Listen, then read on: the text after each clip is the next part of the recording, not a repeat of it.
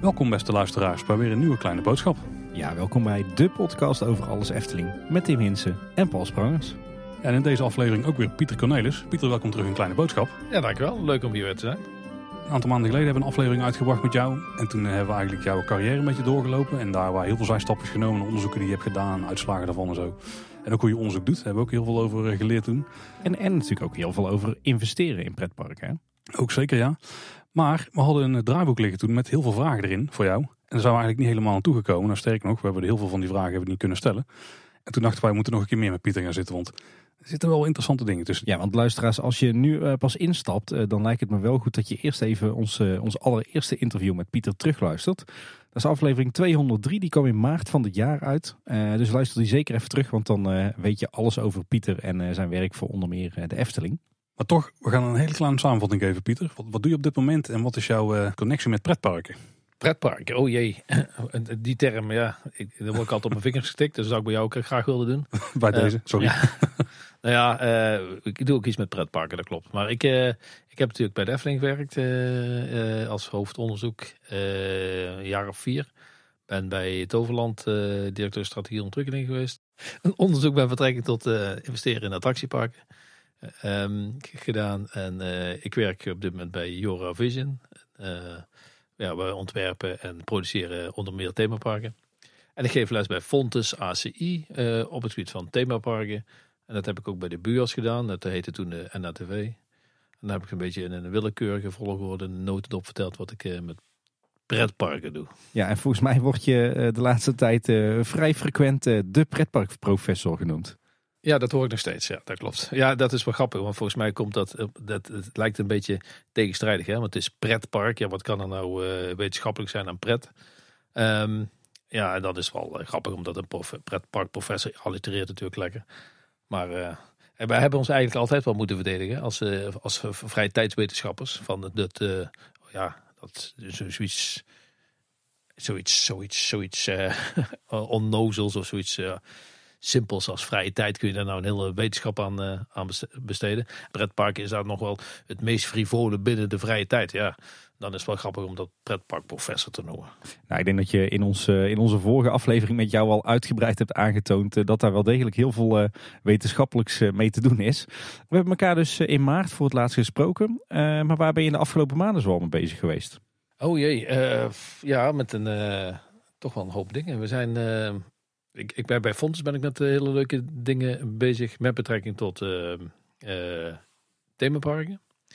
En Visit Attractions, kan ik daar wat meer over vertellen. Uh, ik ben bezig met een, samen met uh, Wim Strijbels en Philip Korsjes uh, naar wetenschappelijk onderzoek naar dark rides. Bekende namen voor ons ook, ja. Dat klinkt interessant. Ja, dus dat is wel super gaaf. En ik ben natuurlijk bij Eurovision met allerlei spannende, interessante projecten bezig. Kan, kan, je daar wat van loslaten of nog niet? Ja, dat is altijd ellende. Want ik, um, ik kom nu net uit een sessie. Uh, samen, het was, is uh, Koen Bertens overigens ook uh, bij betrokken. Oh. voor een heel groot themapark ergens in een ander werelddeel dan Europa. Oké, mooie klus voor hem. ja, inderdaad, wat een adviesklus, ja. Hey, en je vertelde ook net dat, dat je bezig bent met een onderzoek naar dark rides. Wat moet ik me daar in vredesnaam bij voorstellen? Over dark rides is wetenschappelijk eigenlijk nog heel weinig gepubliceerd, kwamen we achter. er zijn vijf artikels, die uh, academische artikels op het gebied van dark rides verschenen. En um, ja, dat, uh, in twee van die vijf wordt gerefereerd aan een artikel van Cornelis. En, die kennen we. ja, toen dacht ik van, ja, ik heb wel iets over dark rides gezegd in, in, in, een paar van mijn artikels. Maar om nou te zeggen dat dit echt over dark rides gaat, dat is er niet helemaal juist. Dus ik kwam eigenlijk op het spoor omdat ik werd gerefereerd in dat artikel uh, met een aantal artikels van mij. En dat ging over dark rides. En daar dacht ik van, als er dan zo weinig over geschreven is, dan is dat misschien wel een interessant eh, onderwerp voor eens eh, de komende jaren onderzoek naar te doen. Want ik vind Dark Rides gewoon echt super gaaf. En we maken ze bij Eurovision natuurlijk. En als, ja, er is inderdaad weinig over, over bekend. We, hebben heel veel aannames. Dus ik zou het wel gaaf vinden om dat nou eens uh, wetenschappelijk te gaan benaderen. Dus toen heb ik Bim Strijbels en uh, Philip Kostjes is gebeld. Philip is oud-collega bij Fontes. die heel erg geïnteresseerd is in, in Dark Rides. En vanuit die storytelling kant heel veel te bieden heeft. En Wim Strijber is een, een, vriend die ik al vanuit Toverland al heel lang ken en uh, die nu aan het promoveren is. En inmiddels denk ik bijna gepromoveerd is, want heeft zijn manuscript een half jaar, ja, een maand, vier geleden ingeleverd. En die wil ook graag meer richting die themaparken doen. Dus we hadden zoiets van, laten we met z'n drie kijken of we een mooi onderzoekstraject op kunnen stellen. En dat zijn we nu aan het doen. En hoeveel artikelen komen er dadelijk bij als jullie klaar zijn, denk je? Ja, wat mij betreft, kijk, het grappige is, je kunt met onderzoek, met wetenschap, je kunt gewoon je eigen, ja, je eigen baan creëren. Als je, als je iets ontdekt en dan achter elk deurtje zit wel weer een nieuw deurtje. Zeg nou we dit ontdekt, ja, dan moeten we het volgende weten. En dan hebben we weer iets uh, vastgesteld. Denk ja, maar dan moeten we dat weer weten. dus uh, bottom line zijn we geïnteresseerd. Want wat is nou het effect van een, van een dark ride op de return on investment op de, de winstgevendheid, of hoe je het ook wilt noemen, van een, van een park. Of dat een themapark is of pretpark, er zal een verschil tussen zitten. Dus daar zouden we graag naar, uh, naar willen kijken. En dan, en toen constateerde eigenlijk al van ja, maar uh, wat, wat, uh, rollercoasters zijn voor pretparken en dark rides voor themaparken. En is dat dan ook zo? Kunnen we uit, uit ons onderzoek halen dat dark rides voor themaparken anders zijn dan voor pretparken? En wat zijn dan die effecten? Maar ja, dan moeten we eerst eens kijken wat, wat, wat voor dark rides zijn er überhaupt? Hoe kun je die klassificeren? In een bepaalde categorisatie mogelijk van, uh, van soorten dark rides. En als je dat weet, dan zou je kunnen stellen van nou stel dat er acht verschillende soorten dark rides zijn. Uh, wat, hoe, hoe, werken dan die dark rides? Hebben die bepaalde dark rides, hebben die andere effecten? Bijvoorbeeld qua beleving dan andere. En als die, is die beleving is die weer gekoppeld aan een beleving voor een park. Of de herinnering van een dark ride. Hoe is dat gerelateerd aan de herinnering van een park? Op het moment dat ik een beslissing moet nemen voor uh, ik ga naar een themapark uh, speelt dan zo'n dark ride rol. En dan kun je uiteindelijk vaststellen van wat is nou het werkelijke effect van zo'n dark. Dus ja, er zit enerzijds een, hele interessante onderzoekslijn naar uh, wat is het effect van een dark op de, uh, de winstgevendheid van het park. En anderzijds, hoe kun je dat verklaren? Dus wat is dan de werking en de verwerking van zo'n van zo'n dark? Nou, en als je die twee dingen snapt, dan heb je een mooi beeld van, van die dark. Nou ja, en, en, en over alle, allebei is nog niks bekend, of heel weinig. Dus ja, van allebei de aspecten kunnen we al eh, alleen al 2, 3, 4, 5, 6. Ja, hoe ver kunnen we tellen artikels gaan publiceren? Ja, op zijn minst verdubbeld. Ja. Het aantal wat er daar is. Ja. is wel een mooi bruggetje denk ik. Want er is nog een park in Nederland die je volgens mij vrij graag in Dark Ride zou toevoegen. Tenminste, de hoofdontwerper daar die heeft het al meermaals genoemd. En dat is natuurlijk Toverland. En daar hebben we jou uh, laatst ook weer zien opdagen in een filmpje. Ja, dat klopt. Ik ben in veel meer uh, zichtbaar geweest. dat, dat was de, jouw... Uh, mijn commentaar. nee, ja goed. Het is geen geheim dat uh, Toverland bezig is met een masterplan. Uh, omdat uh, ja, Toverland heeft natuurlijk ontzettend veel grond. Heel slim gedaan, 125 hectare grond. En ehm, die hoeft niet in één keer volgebouwd te worden. Maar de intentie is er wel om daar in, in, in de loop der jaren een, een, een mooi resort te gaan ontwikkelen. En um, ja, dat gaat stapsgewijs. Dus dan moet je ook je vergunningen moet je op orde hebben. En dus het is, het is, heeft Toverland gezegd, misschien is het wel verstandig om dat nou eens in, uh, in, een, uh, in een plan te gieten. En vooruit te kijken van wat gaan we dan, hoe gaan we dat aanpakken. Eigenlijk erg vergelijkbaar met de procedure Wereld van de Efteling 2030. Hè? Want het, jullie kijken ook heel ver vooruit in de tijd. Het gaat volgens mij ook echt over een enorme toename van het aantal bezoeken. en de bestemmingen die zijn bewust denk ik nog een beetje vaag gehouden. Ja, ja, die zijn bewust vaag gehouden omdat je dan gewoon de ruimte hebt om uh, TZT nog in te vullen hoe je, het, uh, hoe je het hebben wilt. Maar het heeft natuurlijk allemaal invloed op, op, op, op rijbewegingen, op, op natuur, geluidsoverlast, et cetera. Dus je moet allerlei scenario's moeten doorgerekend worden.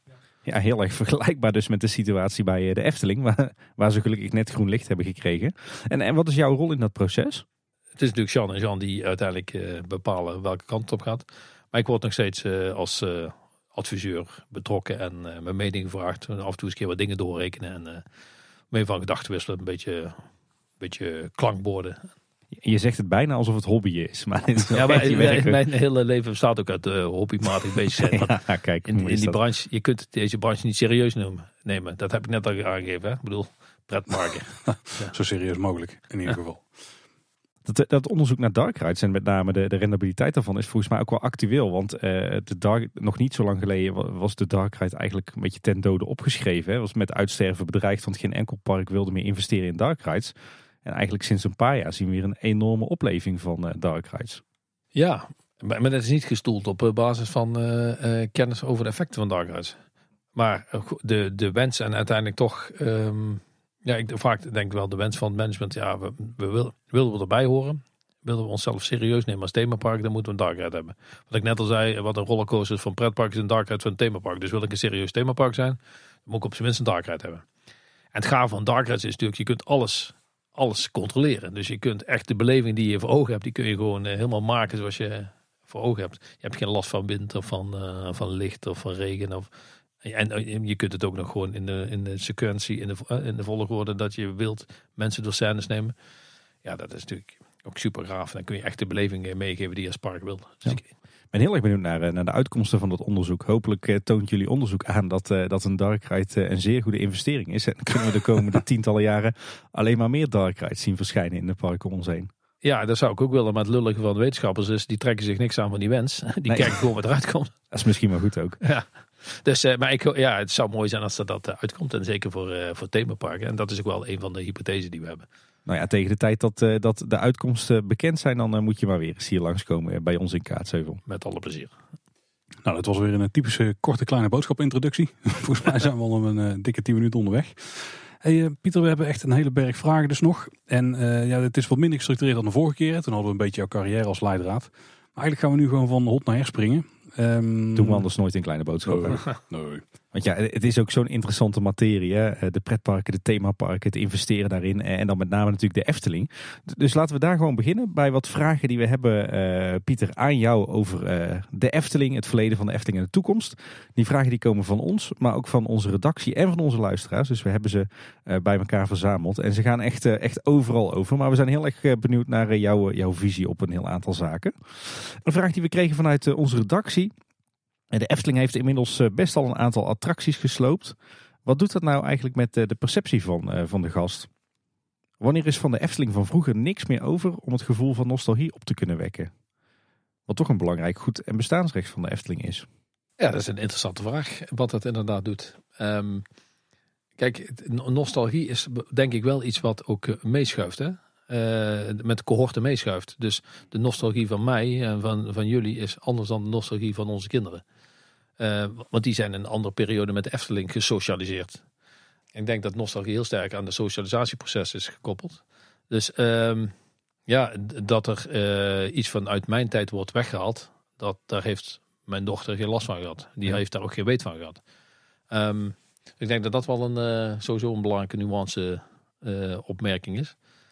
En verder moet je je uiteindelijk, denk ik, afvragen van ja, maar wat is, wat is dan die Efteling? En die Efteling, volgens mij heb ik het de vorige keer wel over gehad. Ik zie dat in e-, elk park, themapark, in, in, in, in gelaagdheid, in drie lagen. Je hebt die merkessentie, eh, je hebt die merkstijl en je hebt die merkthema's.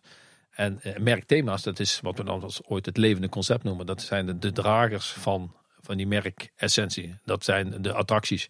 Dat zijn de soort shows die we hebben. Maar een, een, attractie is maar een klein deel van, een, uh, van het, uh, het merk de Efteling. Er zijn twee, volgens mij twee manieren om die nostalgie, om daar uh, uh, afbreuk aan te doen. Dat is enerzijds door op dat, uh, op dat laagste niveau, op dat, dat levende conceptniveau, die merkthema's, zoals ik dat noem, om daar dingen weg te halen. Dan kunnen mensen inderdaad missen. Maar volgens mij nog meer structureler en gevaarlijker is een merkverwatering laten optreden door dingen toe te voegen die niet bij die merkessentie op dat hoogste niveau aansluiten. Dus je hebt die merkessentie, merkstijl, merkthema's. Die merkessentie, daar gaat het volgens mij altijd om. En als je dat verwatert, dan gaat er een ander beeld ontstaan. En volgens mij is dat uh, sterker van invloed op de nostalgische beleving van mensen dan dat je een levend op, eh, op dat onderste niveau uh, conceptdrager weghaalt. Ja, dus je moet vooral dicht bij je eigen unieke waarde blijven. En dan maakt het niet zo heel veel uit hoeveel of hoe vaak of hoe oude attracties je sloopt. Ja, dat is uh, weer enigszins ja, iets minder genuanceerd. Uh, maar het is wel dat je daar het sterkste bij moet blijven. En eigenlijk wil dat alles aligned is. Dat alles van, van bovenaf naar beneden toe, dat het in één lijn uh, dat het kloppend is. En dan is iets weghalen. daarmee is, die, is volgens mij die lijn hoeft niet helemaal doorbroken te zijn. Want er zitten nog tal van dragers op. De merkthema's, soort attracties, die het verhaal vertellen die het totale verhaal van Efteling vertellen. Uh, maar iets toevoegen wat er niet bij past, dat zou wat gevaarlijker kunnen zijn. Is daar iets van een percentage aan te hangen? Hè? Ik bedoel, eh, Disneyland Parijs is nog steeds hetzelfde als in 1995. Eh, de Efteling heeft gaandeweg een aantal attracties vervangen. En Fantasialand heeft in tien jaar tijd zo'n beetje 100% van zijn park vervangen. Is daar ergens nog een, een, een, richting in aan te geven dat jij zegt van nou ja, eh, je moet een beetje, in, je moet een beetje eh, in die hoek blijven om, om niet te veel van die nostalgie eh, te verliezen? Ik denk dat dat wel heel sterk ligt aan de kracht van het merk en de onderscheidende positie die je hebt. Ik denk dat er parken zijn die er heel goed aan doen om juist heel veel te veranderen. Zonder dat ik daar nou bij wil bashen en uh, bepaalde parken even wil uh, in, het, uh, in het voetlicht wil zetten. Maar er zijn parken die er goed aan zouden doen om juist afstand te nemen van, van hun verleden. Omdat ze bijvoorbeeld heel vaak geswitcht hebben en voor een consument niet meer duidelijk is waar het park nou voor staat. Het. Nee, nee, nee, nee. Ik, ik zou zeker geen Toverland noemen deze. Nee. De, dat lijkt me wel een park of uh, wat zit er in de polders allemaal? Ja, ik weet, ik ken die markt ja, niet zo nee, inderdaad. ik snap waar nou, je naartoe wilt. Het is natuurlijk ook zo dat als je iets weghaalt, iets uit en daar komt iets nieuws voor in de plaats wat nog steeds dezelfde waardes draagt, dan heb je in principe tijdelijk alleen een pijler afgebroken en daarna gewoon weer een nieuwe stut eronder gezet. Ja, precies. Nee, daar, gaat het eigenlijk om. Het is het soort van, uh, ja, het is een omgekeerd fundament. Uh, normaal heb je fundamenten uh, en bouw je erop. Hier is het de merkvisie, missie, kernwaarde. Dat is de, het centrum van waaruit je bouwt. En dat moet je eigenlijk, ja, dat moet invulling krijgen. Dus ja, het is niet zo dat die, dat die ondersteunt, maar het is, ja, het ondersteunt die visie, missie, kernwaarde. Het ondersteunt je merkessentie. Dat wel. Dus ik meteen te denken van wat zou dan niet zijn wat de Efteling zou kunnen toevoegen waarmee ze daar echt de plank volledig mis zouden slaan. Dus ik kan me best wel voorstellen, maar... Ja, uh, Pandadroom, hè, een jaar of twintig geleden was daar een goed ja, voorbeeld van. Ja. ja. maar ik denk dat er heel veel dingen zijn die je zou kunnen toevoegen die, die afbreuk doen het merk. Als de Efteling nou een horror, uh, horror spektakel midden in het park gaat zetten, dan voelt iedereen aan, nee, dat past niet bij de Efteling. Dat doet af, echt afbreuk aan dat uh, de magische, sprookjesachtige en hoe we dat ook precies willen definiëren. nou ja, en, en, maar dat is, een, dat is geen uh, digitom iets. Hè. Het is niet dit is wel goed of dat niet. Maar het is echt een, een continuum. En dat is ook het lastige. Zo, om, om, precies aan te voelen van uh, waar zitten we op de schaal van we doen afbreuk aan. Of waar zit op schaal van we versterken echt het merk. Ik, ik vraag me bijvoorbeeld af, een, een, een thema als circus. als je dat op merkessentieniveau bekijkt. Hoe, hoe, hoe, hoe goed dat dan past. Ik kan me heel goed voorstellen dat je op een nostalgische, piekeriaanse manier daar invulling aan geeft. En zeg, ja, dan heb ik op de middelsniveau van de merk heb ik dat uh, prima ingevuld. Maar, en dan kan ik dan ook heel mooi in een levend concept met een prachtige uh, achtbaan kan ik dat, uh, een, een, een invulattractie kan ik dat vormgeven. Beetje zoals we vorige keer besproken over Maxim Moritz. Prachtig voor, voor een bepaalde doelgroep. kleurrijk, animatronics, versnelling, mooie banen, gaan ze maar door. Maar als je een, een niveautje hoger gaat, en, en, en dan vraag je al een beetje af, zit dat wel zo strak op dat merk? Maar als het dan nog een stapje hoger gaat, dan uh, gaat het uh, denk ik wringen. Uh, in dat geval. In het geval van de, die, circus kun, je zeggen, ja, als het qua stijl, Pikeriaans, nostalgisch, oud, dan past dat wel bij de. Maar een nog hoger niveau, ja, daar zou sprake kunnen zijn van brand illusion. een soort van verwatering van het merk. Omdat dat, ja, elke keer als je dit soort dingen gaat toevoegen, die net een beetje iets anders afwijken van, van die essentie. Ja, dan verwatert het een beetje dat merk. En in plaats van dat je indikt, ja, ben je aan het verwateren. Je wil eigenlijk dat het merk indikt dat dat... Maar stel ze, ze neigen dan heel erg naar het nostalgische toe en naar het romantiserende, dan zou het dus weer wel erbij kunnen passen. Uiteindelijk ligt het heel, heel erg in de uitvoer. Ja, maar dat, dan denk ik toch dat dat in de merkstijl zit. Dat je in je merkstijl, en je moet je merk niet, hè, to peak or not to peak, that's not the question. Daar, gaat het, hè, daar hebben we het al over gehad. Het gaat uiteindelijk over wat daarboven zit. Daar moet het op aansluiten. Het verhalende, het, het sprookjesachtige. Meer ja. dat, dat, zeg maar. Je kernwaarde, je visie, missie, waar je echt voor staat, je DNA, zegt dat dat is de komende honderd jaar, is dat gewoon hetzelfde. Herkent iedereen Efteling aan. En we herkennen de Efteling niet aan een attractie. Dat, dat doen we wel, maar dat, daar hoeven we het niet aan te herkennen. We moeten het vooral herkennen aan het, het, het beetje een bijna, bijna ongrijpbare gevoel van, ja, dit is des Eftelings. En dat zit hem in die top, in die, in die merkessentie, die brand kernel. Ja. Nou, nou, weten we natuurlijk nog niet wat voor background story dat uh, Grand Circus Balancé gaat krijgen. Dus dat is nog lastig, lastig oordelen.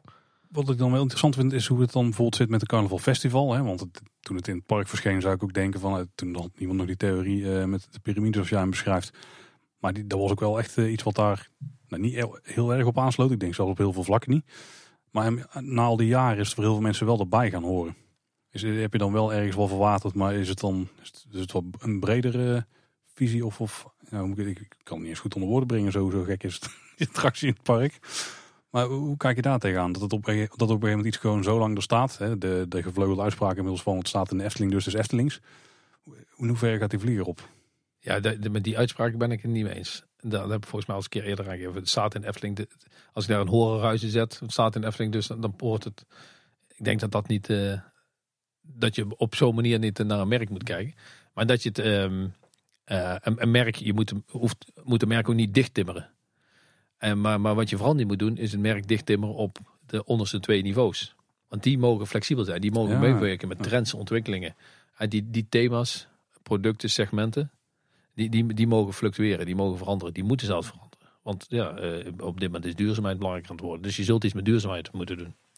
Maar dat doe je op een manier die past bij die merkextensie van de dat- mag je niet ver, verloochenen. Want als je dat doet, dan, dan gooi je je merk te grabbel. En dan ben- verlies je je onderscheidend vermogen. En als je onderscheidend vermogen kwijt bent, ja, dan, dan verlies je een heel stuk van, eh, van je marktpositie.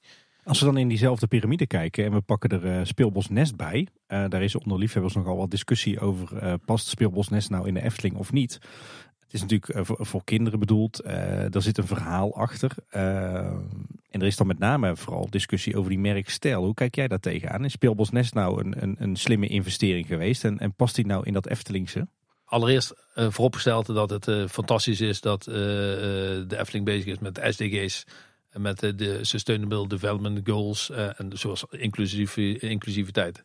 Ik, ik denk dat ze daar niet aan ontkomen. Dat is wat ik net ook zei met die duurzaamheid. Dat is een van die trends, daar moet je op aansluiten. Maar vervolgens is wel de vraag, hoe doe je dat? Eh, en dat moet dan op zowel merkstijl als merkessentie moet dat wel een kloppend geheel zijn. En van wat ik gezien heb in foto's, en ik heb het nog niet zelf kunnen bezichtigen. Qua stijl kan ik me voorstellen dat er door fans eh, reacties op komen. Dat het niet helemaal des Eftelings is. Maar past het wel bij de merkessentie? Zo'n investering in zo'n inclusief speelbos? Ja, Tim legt wel het vuur aan de scheen hier. Ja, nee, maar dat, heel graag. Vind ik interessant. Maar daar, ehm, ik, ik denk dat eh, het uiteindelijk, als je teruggaat naar de werkelijke ontstaansgeschiedenis van de Efteling. Ergens ga je, op, als je op zoek gaat naar de, de kernwaarden, je visie en missie. Dan ga, je toch, dan ga je op zoek naar een stukje DNA en heritage. En denk waar het park in ontstaan is. Als ik dan denk, twee kapelaans die ooit begonnen zijn. Denk dat daar zit iets in wat eh, uitstekend aansluit bij wat hier, hier gebeurt. Ehm, dus daar zit iets. Eh, aan de bovenkant, eh, aan de onderkant zien we vanuit die trends de inclusiviteit. En dan zou het mooi zijn als het inderdaad aligned is, helemaal eh, dat die essentie en die merkstijl en die merkthema's op elkaar aansluiten. Dus dat het middelste, dat het gewoon naadloos met die, die, die twee lagen verbindt. En dat is, lijkt nog niet helemaal 100% het geval te zijn. Kijk, en dan, dan blijf ik nog even bij het nest. Want eh, eh, investeren in een speelbos, 2 miljoen euro in een lastig jaar als 2021. Is dat nou verstandig of had de Efteling juist in 2021 eh, volle bak moeten investeren in een enorme attractie? Ja, als je, da- dan nou raken we een, eh, toch wel een lastig punt. waar Dat is ook helemaal de bedoeling van deze aflevering. Ja, heel graag, maar dan moet ik er iets genuanceerder naar kijken hoe de effecten van investeringen van in het attractieparken werken. En dan, eh, dan zijn er eigenlijk twee soorten, twee soorten ehm, investeringen. Dat zijn de, de permanent growth en de, en de temporary growth. Hè? De, tijdelijke, de permanente en tijdelijke groei. En ik, ik heb de indruk dat er bij de Efteling dat die in een transitiefase zit van, van permanent naar tijdelijk. En dan al, al, dichter tegen de tijdelijke aan zit dan, eh, dan dat, dat ze bij het permanente weg zijn. Dat betekent dat de effecten van investering bij de Efteling dat die een, eh, een, een, een effect hebben. En dat het park één of twee jaar daar de, eh, de vruchten verplukt. En daarna zakken de bezoekersaantallen weer terug naar een, soort van equilibrium, een evenwichtspunt. Van wat dan past bij de fase waarin de Efteling zit en de catchment area en het, eh, verzorgingsgebied en eh, het, het aantal toerisme, dus het marktpotentieel. Ehm, dus voor een park wat eh, eh, tegen die, of zelfs op het niveau van de temporary growth zit, een tijdelijke groei. ehm, ja, die effecten van een investering die zijn afhankelijk van, eh, van het, eh, een budgetbeslissing en dan de, de context waarin een park zich begeeft en de, en de content. Of de verwerking van de content. Ik heb er een formule voor. Eh, return on investment voor, eh, voor attractieparken is budgetbeslissing gegeven de context maal de verwerking van de content. En dat zijn dus een aantal elementen. En de eerste is dan de budgetbeslissing. je het over hebt, 2 miljoen. Dus daar kunnen we iets van vinden. Uh, dan kunnen we iets vinden van die 2 miljoen als hoogte. Maar we kunnen ook iets vinden van de timing en de frequentie van investeren. Van dat het nu is en niet vorig jaar of volgend jaar. Dat is één kant, dat is budgetbeslissing. En dan heb ik gegeven de uh, context, maandwerking van de content. Nou, die context die bestaat weer uit twee aspecten. Dat is enerzijds het marktpotentieel en de fase waarin het park zich begint. En dat is het verhaal wat ik net schetste van de tijdelijke groei versus permanente groei. Heeft te maken, maken, te maken met de, eh, de huidige marktpenetratie ten opzichte van het, uh, het, het, marktpotentieel. Dus hoe zit, dicht zit ze eigenlijk tegen, hun, tegen dat equilibrium aan. En daarnaast heb je nog een tweede context. Dus dit, is context 1. Dan heb ik een context 2 gedefinieerd. En context 2 zijn allerlei factoren zoals het verschil tussen een themapark en een, en een pretpark bijvoorbeeld. De fase waar iets in de een, product lifecycle zit. Um, de, het onderscheidende vermogen. Um, nou, zo kunnen we tal, zijn er nog tal van aspecten. De, de weersafhankelijkheid. Hoe, hoe sterk is nou een park al, uh, niet, al dan niet weersafhankelijk? Nou, er zijn heel veel factoren die bepalend zijn voor uh, de effecten van investering bij, bij een park. Maar dat is dan context 2. En dan hebben we de content. En dan is het van, ja, moet ik in een speelbos of moet ik in een, uh, in een, een of moet ik in een, een achtbaan investeren? En dat laatste, dan gaat het ook nog om, ja, ik kan wel in een dark ride investeren, in een super gave dark ride, maar dan moeten mensen die ook nog op de juiste manier verwerken. Dus ik heb hier een leuk idee van een, van een dark ride, maar dan moeten mensen het ook nog snappen, want anders komt het niet, gaat het niet die effecten teweeg brengen die ik wil. Dus als je zo uiteenrafelt en je vraagt van, is het nou verstandig om op de 2 miljoen te investeren in Nest, dan moeten we die uiteenrafelen in, in deze aspecten om daar een oordeel over te kunnen, kunnen vellen.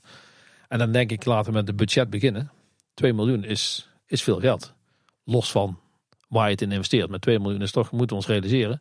Ik, ik, ik, hoor vaak, en ik lees natuurlijk vaak uh, uh, allerlei reacties van fans. En dit moet veranderen en zo. Maar bottom line is het, er moet natuurlijk geld verdiend worden in themaparken. Dat is bij de Efteling niet anders dan bij, uh, bij andere parken. Dat betekent geld verdienen, winst maken. ja, winst is omzet min kosten. Heel simpel gesteld. En omzet is gewoon hoeveel mensen komen er en waar besteden die. Dus dat, dat verhaal, dat moet iets opleveren. Uh, dan moet winstgevend zijn. Dus gaan hierdoor meer mensen komen? Uh, of gaan die meer besteden? Of gaan die en meer mensen komen en meer besteden? Of zou het zo zijn dat als ze niet zouden komen, dat de bezoekersaantal zouden afnemen? Dat is één kant van het verhaal. Want dat is namelijk de omzetkant. En daarnaast hebben we de kostenkant van, ja, zijn investeringen. Er zijn ook uh, kosten mee gemoeid. Jaarlijkse kosten. Operationele kosten. En er moet schoongemaakt worden, onderhouden. En nou, je hebt financieringskosten en afschrijving. En nou, zo kunnen we wel even doorgaan. Uh, en dat moet op het eind van de rit moet dat uh, een winstgevend plaatje opleveren. Is dat misschien ook de reden dat er dus uh, horeca bij zit? Omdat je dan toch wat meer inkomsten eruit genereert, waarschijnlijk direct? Ja, nou ja, kijk, bij, bij horeca, um, het, het, het is niet zo dat hoe meer horeca ik in een park stop, dat daarmee ook de inkomsten aan horeca lineair omhoog gaan. dat, dat, dat werkt niet in een lineaire wijze, want we kunnen op een gegeven moment hoeveel hamburgers kun je op een dag op of zo. Want Best veel. ja, die zijn er inderdaad. Maar dat is te zien, Paul. Ja, dank je. maar op een gegeven moment zijn we daar wel. Uh, dus het, het, het, het cannibaliseert ook op, jou, uh, op jouw andere horeca. Ja, ik kan me wel voorstellen dat het is een speelbos. Dus die kinderen gaan spelen. En de ouders staan dan misschien een beetje rond te kijken. En die denken, oh, ik kan hier ook een kurkentrekker eten. En dan zal ik daar dingen eens proberen. Wij maken ons er ook schuldig aan. Absoluut. Nee, maar zonder meer werkt dat. De impuls, impulsverkoop van, van horeca, dat, is natuurlijk, dat werkt heel sterk. Dus het, het, het, zonder meer gaat dat, levert dat extra omzet op. Maar het zit er met name aan de kant van uh, de bezoekaantallen. En die bezoekaantallen die, die komen uit een aantal, uh, die hebben een aantal oorzaken. De belangrijkste verklaring is gewoon de, de gasttevredenheid. Hoe meer, gasten, hoe meer gasten tevreden zijn, hoe hoger de herhalingsbezoek is. En hoe hoger de word of mouth. Dat we dat tegen anderen zeggen, oh je moet naar de Efteling. En, en die gasttevredenheid, de 9 plus organisatie de Efteling wil worden, ja, daarvoor zou je iets kunnen doen. En zeg je, ja, op, op direct, op, direct zie ik niet het effect terug van, uh, van in bezoekersaantallen. Dit is nou geen investering die meteen uh, 100.000 extra mensen oplevert. Maar het, het levert, het creëert wel het beeld dat wij echt een inclusief eh, bedrijf zijn. Eh, daar willen we voor staan. Mensen zijn, vinden dat fijn, zijn er tevreden over, vertellen dat door. Dus je hebt die indirecte effecten, die denk ik wel, die, die, niet onderschat moeten worden. Ja, dat is wel interessant, ja. En, en, en dan de hamvraag, want 2020 was natuurlijk een heel slecht jaar voor de Efteling vanwege corona. 2021 zal ook geen al te beste jaar zijn. Eh, zeg je dan heel begrijpelijk dat je dan als Efteling heel beperkt investeert in, in alleen een speelbos en straks nog een, een bakkerij? Of zeg jij nee, je had echt tegen die ontwikkeling in eh, toch flink moeten investeren, ondanks dat het slechte jaren zijn? Want daar heb je alleen maar profijt van als, je, als er straks weer het park weer echt op volle capaciteit mag draaien. Ja, dat, dat, dat zeggen we altijd, dat je dat moet doen. Maar je moet het ook wel kunnen. Dat is wel dat de andere kant van het verhaal. En, uh, dus je moet wel de mogelijkheid hebben om dat te doen. En uh, als je naar andere parken kijkt, uh, is nogal een, een solide, financieel stevige, stevige organisatie. Dus die kan wel een, een tikje hebben. Heel veel andere parken hebben daar gewoon echt ontzettend veel moeite mee om deze periode te investeren. Hoe graag ze ook willen en hoe, graag, hoe goed ze ook beseffen dat het best wel verstandig zou kunnen zijn. Maar ja, als je gewoon je cashflow ziet, ziet weglopen. en, en, en je ziet gewoon het geld werkelijk naar buiten stromen en er komt helemaal niks binnen. En de kosten gaan wel gewoon door. Dan, dan, ja, dan moet je toch van goede huis komen om een bank te overtuigen van wij hebben toch op dit moment even 10 miljoen nodig om, om dat we in 2021 een nieuwe attractie willen neerzetten. Ja, die parkengroepen die zijn dan misschien wel, uh, wel steviger in. Hè? Want die hebben natuurlijk investeringsmaatschappij erachter zitten die dan wel eventueel het geld er tegenaan kunnen gooien. Ja, maar die hebben natuurlijk een ander portfolio. Als je ook naar Libema kijkt bijvoorbeeld, die hebben natuurlijk met hun vakantiehuizen uh, en resorts hebben ze een, uh, gewoon een, prima seizoen uh, gedraaid. En, dan, en doordat je portfolio hebt en, en je risico kunt spreiden over meerdere producten, marktcombinaties, ben je minder kwetsbaar. Maar als je alleen een themapark hebt, dan, ja, dan ja, die, die omzet is natuurlijk helemaal, helemaal stilgevallen. We gaan eens even verder, want uh, dit was eigenlijk pas vraag 1. Dus... Ja, er, er zaten al een hoop andere vragen in, uh, in verweven, Paul. Nee, want uh, wat we bij de Efteling ook zien, daar sluit u wel een beetje op aan, is dat ze eigenlijk in de afgelopen, nou, misschien 20 jaar, niet echt fan zijn van invulattracties. En we lijken die in Strookrijk alweer te gaan krijgen. Dus in de Reisrijk uitbreiding. heeft volgens mij Koen Bertens ooit gezegd dat daar ook naast de grote attractie, waarvan hij zelf nog niet wil zeggen dat het een circuscoaster is, maar wat iedereen wel ongeveer weet, dat daarnaast ook wat, wat kleinere attracties zouden moeten gaan verschijnen. Dus de jaren hiervoor hebben ze eigenlijk altijd ingezet op de grote attracties. Hè. Disney noemt ze de e-tickets. Uh, wat, wat, en hoe ver is het slim om alleen daarop in te zetten? Of is het juist ook slim om toch wel van die kleine attracties erbij te hebben? Nou, die heb je absoluut nodig. Want anders krijg je echt zo'n uh, zo'n onevenwichtig park. Dan krijg je zo'n Universal Studios in, nou, in, Los Angeles zo. Waar, een paar mega grote attracties staan en voor de rest is er niks. De sfeer, en met name bij de Efteling, die komt vooral voort uit ook de kleine attracties. En de aanwezigheid van, van de natuur en, uh, en, dat daarin in, in wordt geïnvesteerd. En de thematiek en de storytelling die je daarover voelt. En, uh, en, en dus dat zijn veel meer softer elementen die, uh, ja, die net zoals zo'n nest, die, ik denk dat dat een goede investering is. Omdat dat gewoon op een andere manier zijn werk doet. Het is, de marketingwaarde is, is niet zo groot. Dus als je zegt van we, we, willen nu, komend jaar willen we meer bezoekers. Ja, dan is een rollercoaster toevoegen dat uh, is sexy en dat communiceert goed. En mensen snappen ook wat een rollercoaster is. En Dark Ride laat zich daar, daarentegen heel lastig communiceren. Ja, er is een of andere grote doos binnen en er is iets te doen, maar ik weet niet wat en kan het ook moeilijk zien. En bij rollercoaster kan ik er wel zien.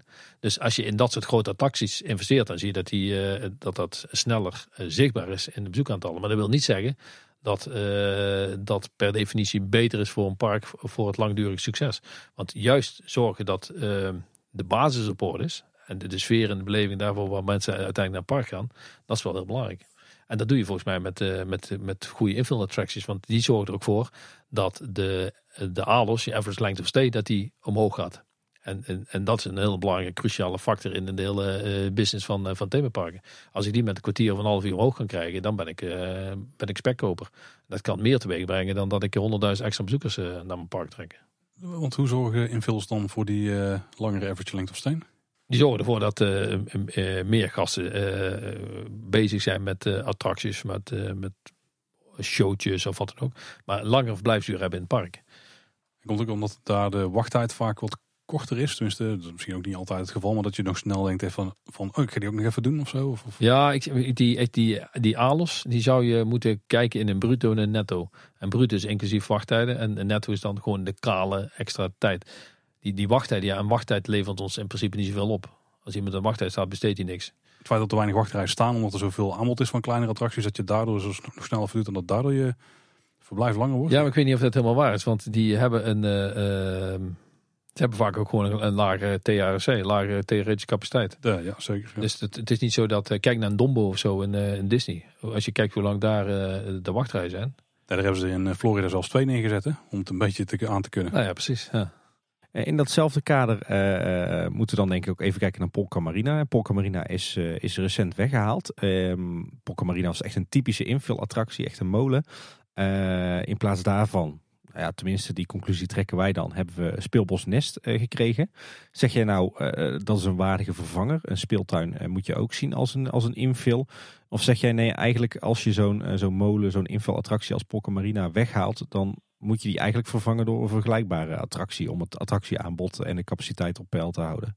Nou ja, de, het gaat vooral over die variëteit in het attractieaanbod. En dan moet je afvragen of die wel zo super in balans is bij de Efteling.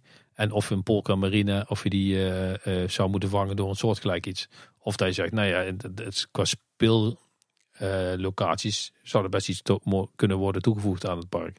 Ik denk dat het laatste het geval is. Dus dat het in die, in die zin helemaal geen verkeerde investering is bij alle parken die wij, eh, die wij ontwikkelen, het zijn eh, dit soort uh, speellocaties, die staan er meerdere in geschetst. Omdat we weten dat dat voor een, groot gedeelte van de doelgroep een, een, een heel fijne afwisseling is met de mechanische rides. En even zelf in controle zijn, zelf kunnen bepalen wat je doet en hoe je doet. In plaats van dat je passief een ritje doet.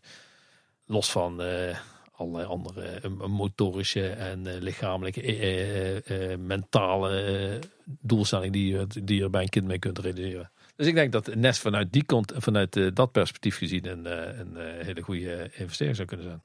Ja, er zijn nog meer plannen voor een. nou, ik zeg nu plannen, misschien is het inmiddels wel aangekondigd. We weten het niet, we kunnen in de toekomst kijken. Maar er gaan geruchten sinds een, een, tijdje dat het avonturendolf vervangen zou gaan kunnen worden door een, een speeltuin met heel veel waterelementen. Is dat dan ook een, een goede investering? Ook weer iets waar je zelf bezig kunt zijn. Maar... Ja, nou dat denk ik wel. Ik denk dat dat uh, avonturen of dat dat uh, best wel wat uh, renovatie kan hebben. En als je dat toch doet, dan zou je kunnen kijken van wat zou dan een, een waardige vervanger zijn. Zonder dat dat nou een mega investering teweeg gaat brengen. Ja, dan kan ik me voorstellen dat dat voor die doelgroep die daar gebruik van maakt, dat je daar een iets andere invulling gaat geven. Ja, want dan ben ik ook wel benieuwd naar jouw mening op dat gebied. Want uh, het bestemmingsplan Wereld van de Efteling is uh, natuurlijk recent uh, goedgekeurd. Hè. Dus de Efteling heeft enorm veel extra uitbreidingsmogelijkheden en uitbreidingsruimte gekregen. En toch kiest de Efteling ervoor om te zeggen... we gaan nu niet meteen het park aan de oostzijde uitbreiden... met, met de reisrijk uitbreiding en de Circus Coaster. Maar we kiezen ervoor om in 2022 alleen nog beperkt te investeren in het bestaande park. Uh, en daarna pas uh, te gaan kijken naar grootschalige uitbreidingen en, en de toevoeging van zo'n circus coaster. Zeg jij uh, begrijpelijk of zeg jij nou, nu missen ze echt al de boot? Nou, ik denk niet dat ze de boot daarmee missen. Ik denk dat de Efteling de afgelopen jaren een aantal interessante investeringen heeft gedaan. Waarmee ze het park weer een, een bepaalde vernieuwing hebben gegeven.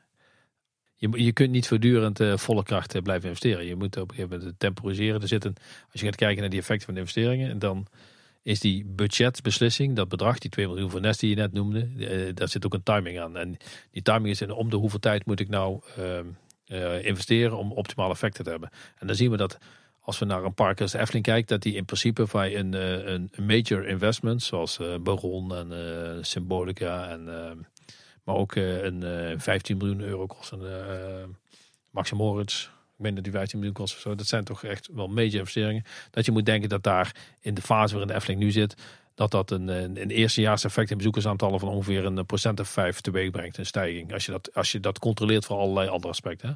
Want de, de, prijs gaat wat omhoog, dus heeft een negatief effect op bezoekersaantallen. En uh, ze doen wat extra marketing, heeft ook een positief effect. Dus uh, het weer speelt een rol en gaat zo maar door. Maar als je echt controleert voor het werkelijke effect van de investering, dan zal dat misschien 5% zijn in het eerste jaar en nog een procentje of twee in het tweede jaar. En dan appt dat zo langzaam appt dat weg.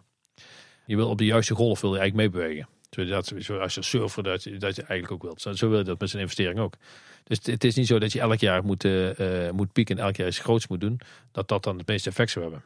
Ja, dat is een beetje wat je bij de Efteling vooral in de jaren tachtig uh, zag. Hè? Ja, maar toen zat de Efteling in de fase waar nou Toverland bijvoorbeeld in uh, zit. En, in die fase waarin ze nog echt permanente groei realiseren. En dan kun je die permanente groei, die kun je par realiseren.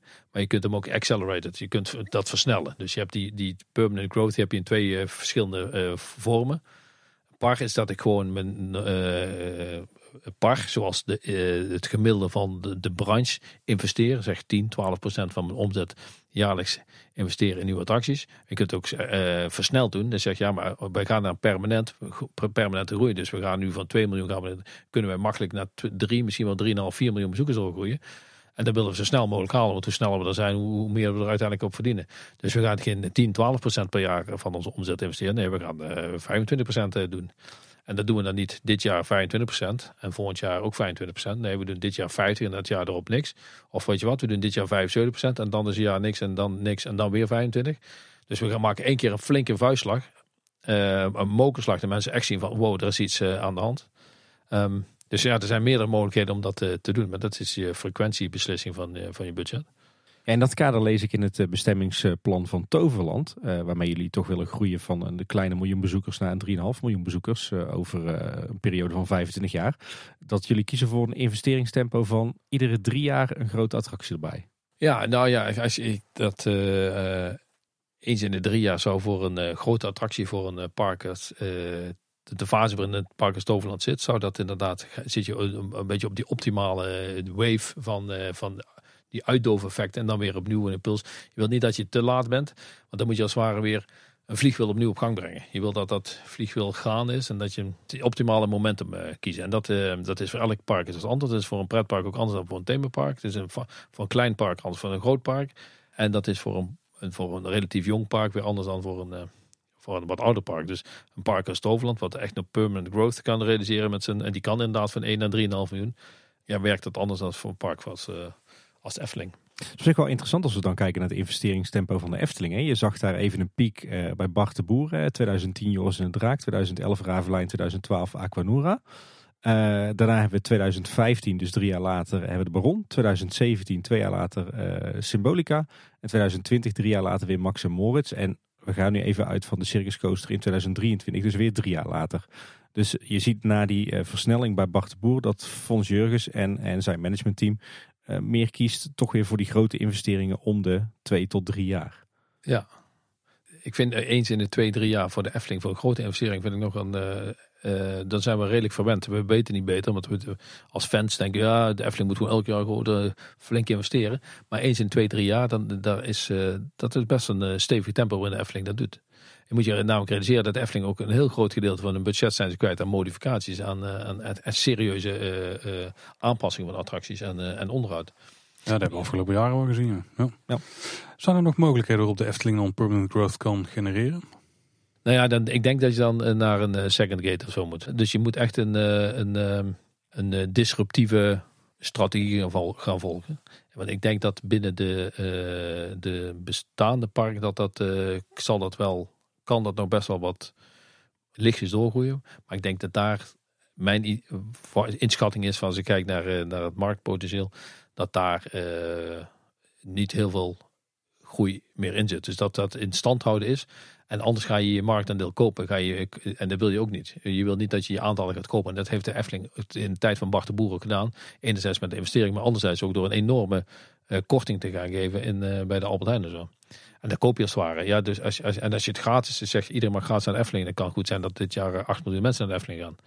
Maar dat, uiteindelijk is de business case is niet alleen maar gebaseerd op aantallen. Maar is gebaseerd op de combinatie tussen aantallen en de per cap spendings. En en die twee samen, afgewogen tegen je, tegen je kosten. Dat is het plaatje waar het uiteindelijk om draait.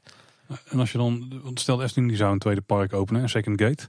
Uh, wat zorgt er dan voor dat op dat moment dan wordt dan de het reisgebied vanuit waar mensen bereid zijn naar de Efteling te komen groter of zo? Of is het aanzien dan meteen hoger? En... Ja, ik denk dat je meerdere effecten ziet. Dat, eh, de enerzijds heeft het te maken met uh, het catchment area.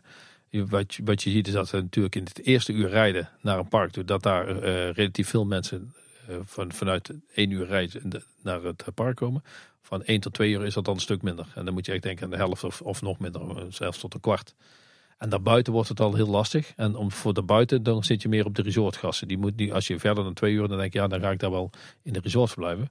Dat resort idee wordt interessant op het moment dat een park uh, een second gate heeft. Dan denk ik, hé, hey, dan kan ik daar ook nog een dag gaan zwemmen of zo. Oh, dat is wel de moeite waard om daar eens naartoe te gaan. Dus je hebt enerzijds een effect van buiten die twee uur op het resort.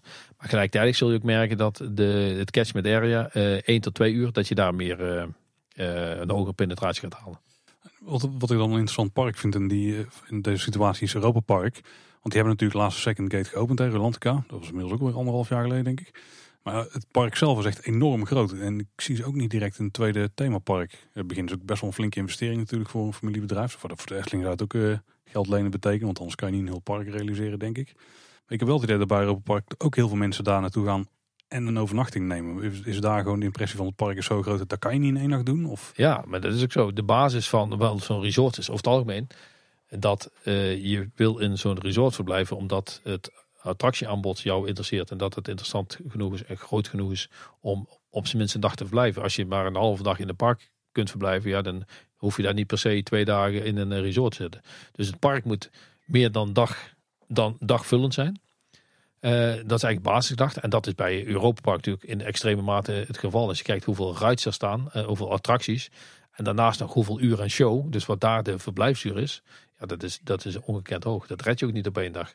En, dan heb, en dat is één, kant van het verhaal. Daarnaast hebben ze natuurlijk het prachtige aanbod van, uh, van die resorts. Die hotels zijn van een ongekend schoonheid. Het is gewoon geweldig om daar te verblijven. Dus dat, dat speelt een, een dubbele rol. Denk ja, dan, ik kan dat dan niet een dag. En er staan fantastische hotels.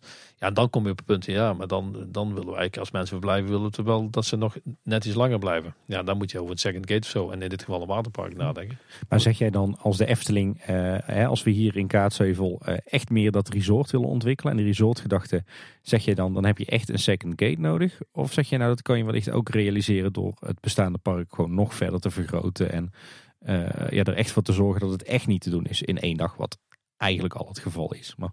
Nou ja, dat is niet helemaal waar dat het niet het geval is. Want je kunt op een dag als vandaag, of uh, kun je het gewoon prima in een dag doen. En een halve dag ook. Dus, maar we praten dan over de zomerperiode. Daar is inderdaad de piek is, is groot. En dan is het lastig om het in de dag te doen. Maar voor de rest kun je het park volgens mij prima doen. Want als je gaat kijken naar de capaciteit van, van, van het aantal attracties wat er in de Efteling staat. Dat is helemaal niet zo extreem veel. Ja, het ligt denk ik ook eraan met wat, voor gezelschap dat je de Efteling bezoekt en wat voor tempo dat je hebt in je dag. Nee, maar precies dat. Het, het gaat uiteindelijk om die, uh, die mix van, uh, van die, die, die, die, uh, die ALS, die die moet voor elk gezelschap moet dat optimaal zijn. En als je met een bepaalde doelgroep naar de Efteling gaat, denk je, ja, dan kun je in, een paar uur kun je het gezien hebben. En met anderen heb je daar inderdaad een dag voor nodig. Maar als je daar weer het gemiddelde verpakt, dan is het volgens mij nog niet per definitie gesteld dat, het, dat je er minimaal een dag voor nodig hebt. Ik geloof dat op dit moment de gemiddelde verblijfsuur 6 tot 7 uur is. Er zitten meer uren in een, in de openingsdag. dus dat, dat, wil zeggen dat je het in feite in de dag kunt doen. Maar zeg jij dan, maak het bestaande park groter of zeg jij, zet er een second gate bij? Nou, ik, ik, zou zeggen, als je het bestaande park groter maakt, doe dat dan op basis van, ga terug naar die essentie, ga op zoek naar, of je hoeft niet naar op zoek te gaan, je weet het, maar zorg dat je koester je merkessentie en ga van daaruit bouwen. Want als je dat niet doet en je gaat verwateren, dan kun je het zo groot maken als je wilt, maar op termijn, en op termijn, dat praten we gewoon over 20, 25 jaar, ga je, daar niet, ga je daar niet mee winnen. Het kan best zijn dat de Efteling eh, dan de komende tijd gaat groeien. En dat ze nog naar eh, een, eh, misschien een 6 miljoen. En wat, wat is nog meer genoeg? 6,5 geloof ik. Maar dat, is echt van tijdelijke aard. Want als het merk, als het merk niet krachtiger wordt in de, in, in de merkessentie. Als het merk te veel verwatert. Dan verlies je het, de belangrijkste uh, ja, eigenschap. Het onderscheidende vermogen. En dan kun je investeren wat je wilt. Maar dan krijg je toch een tafereel zoals je dat in Walibi ziet. Wat toch te, te, te, vaak, hè, die investeren eh, met een grote regelmaat, grote bedragen, maar, maar te weinig vanuit een, een hele sterke, eenduidige, vastgestelde merkessentie. En dat, eh, dat, ja, op een gegeven moment merk je dat in de, in de effecten van je investeringen. Dus dat zou de grootste zorg zijn, of niet zorg, maar dat zou mijn grootste kanttekening zijn van als je dan in een park het park wilt laten groeien, dan moet dat wel echt vanuit die essentie van. En er moet dus iemand zijn, een creatief directeur, een uh, hoofdontwerper, die uh, gewoon daar de regie over mag nemen, de verantwoordelijkheid krijgt, denk ik. Om dat te bepalen. Dat, en want er zit een verdomd goeie die dat kan. Maar ik heb het idee dat er bij de Efteling, we noemen dat een deftig woord, ambidexterity. Maar dat dat dan niet helemaal uh, optimaal is. En dat het, dus dat betekent eigenlijk, je moet eh, zowel op lange termijn als korte termijn kunnen schakelen.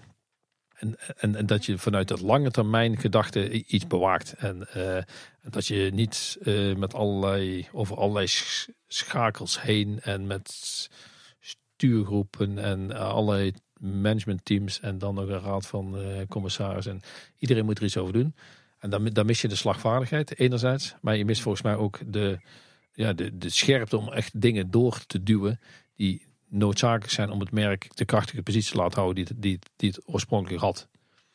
Dus dat moet gewoon. En dat is bij, bij een, een Toverland is dat anders. En bij een Europark, en dat snap ik, want het zijn eh, familiebedrijven. Dus dan kan gewoon Jean die kan zeggen: zo gaan we doen, want ik weet waar ik voor sta. En Roland of, eh, of Michael Mak die kan zeggen: van zo gaan we doen. En bij de Efteling is dat lastiger, want dan, dan zijn er meerdere mensen die daar iets over te zeggen hebben. En er zitten natuurlijk een aantal mensen die zitten al eh, een behoorlijke tijd op een bepaalde positie. Dus die, die, die, die hebben het beeld van waar de Efteling voor staat. Maar die hebben toch in dat, in dat de hele proces daar te weinig grip op om dat, daar een voldoende stempel op te kunnen duwen. Dus jij pleit eigenlijk voor een soort eh, nieuwe ton van de Ven. En gewoon een hele krachtige creatief directeur die echt met de vuist op tafel kan slaan.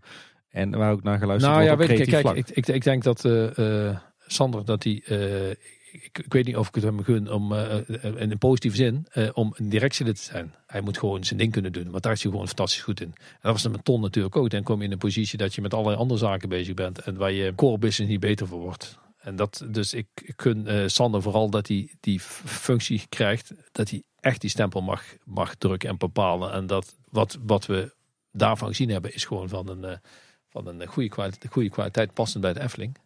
Alleen ik heb het idee dat het in die organisatie, doordat het over verschillende lagen gaat en een bepaalde traagheid in zit, dat het, eh, dat het niet altijd overeind blijft.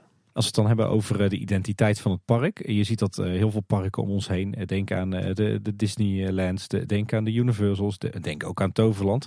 Die kiezen heel erg voor het werken met, eh, met rijken of landen of parkdelen met één overkoepelend thema. De Efteling heeft het natuurlijk ook geprobeerd met, met de rijke structuur. Maar je ziet dat ze dat nu toch eh, steeds meer loslaten. En, en dat we eigenlijk in een situatie komen waarin in ieder rijk een aantal op zichzelf staande themagebiedjes eh, zijn. Met één of twee attracties, horeca, misschien een winkeltje. Zeg jij een goede keuze of zou de Efteling toch meer moeten kijken naar, naar grotere parkdelen met een overkoepelend thema?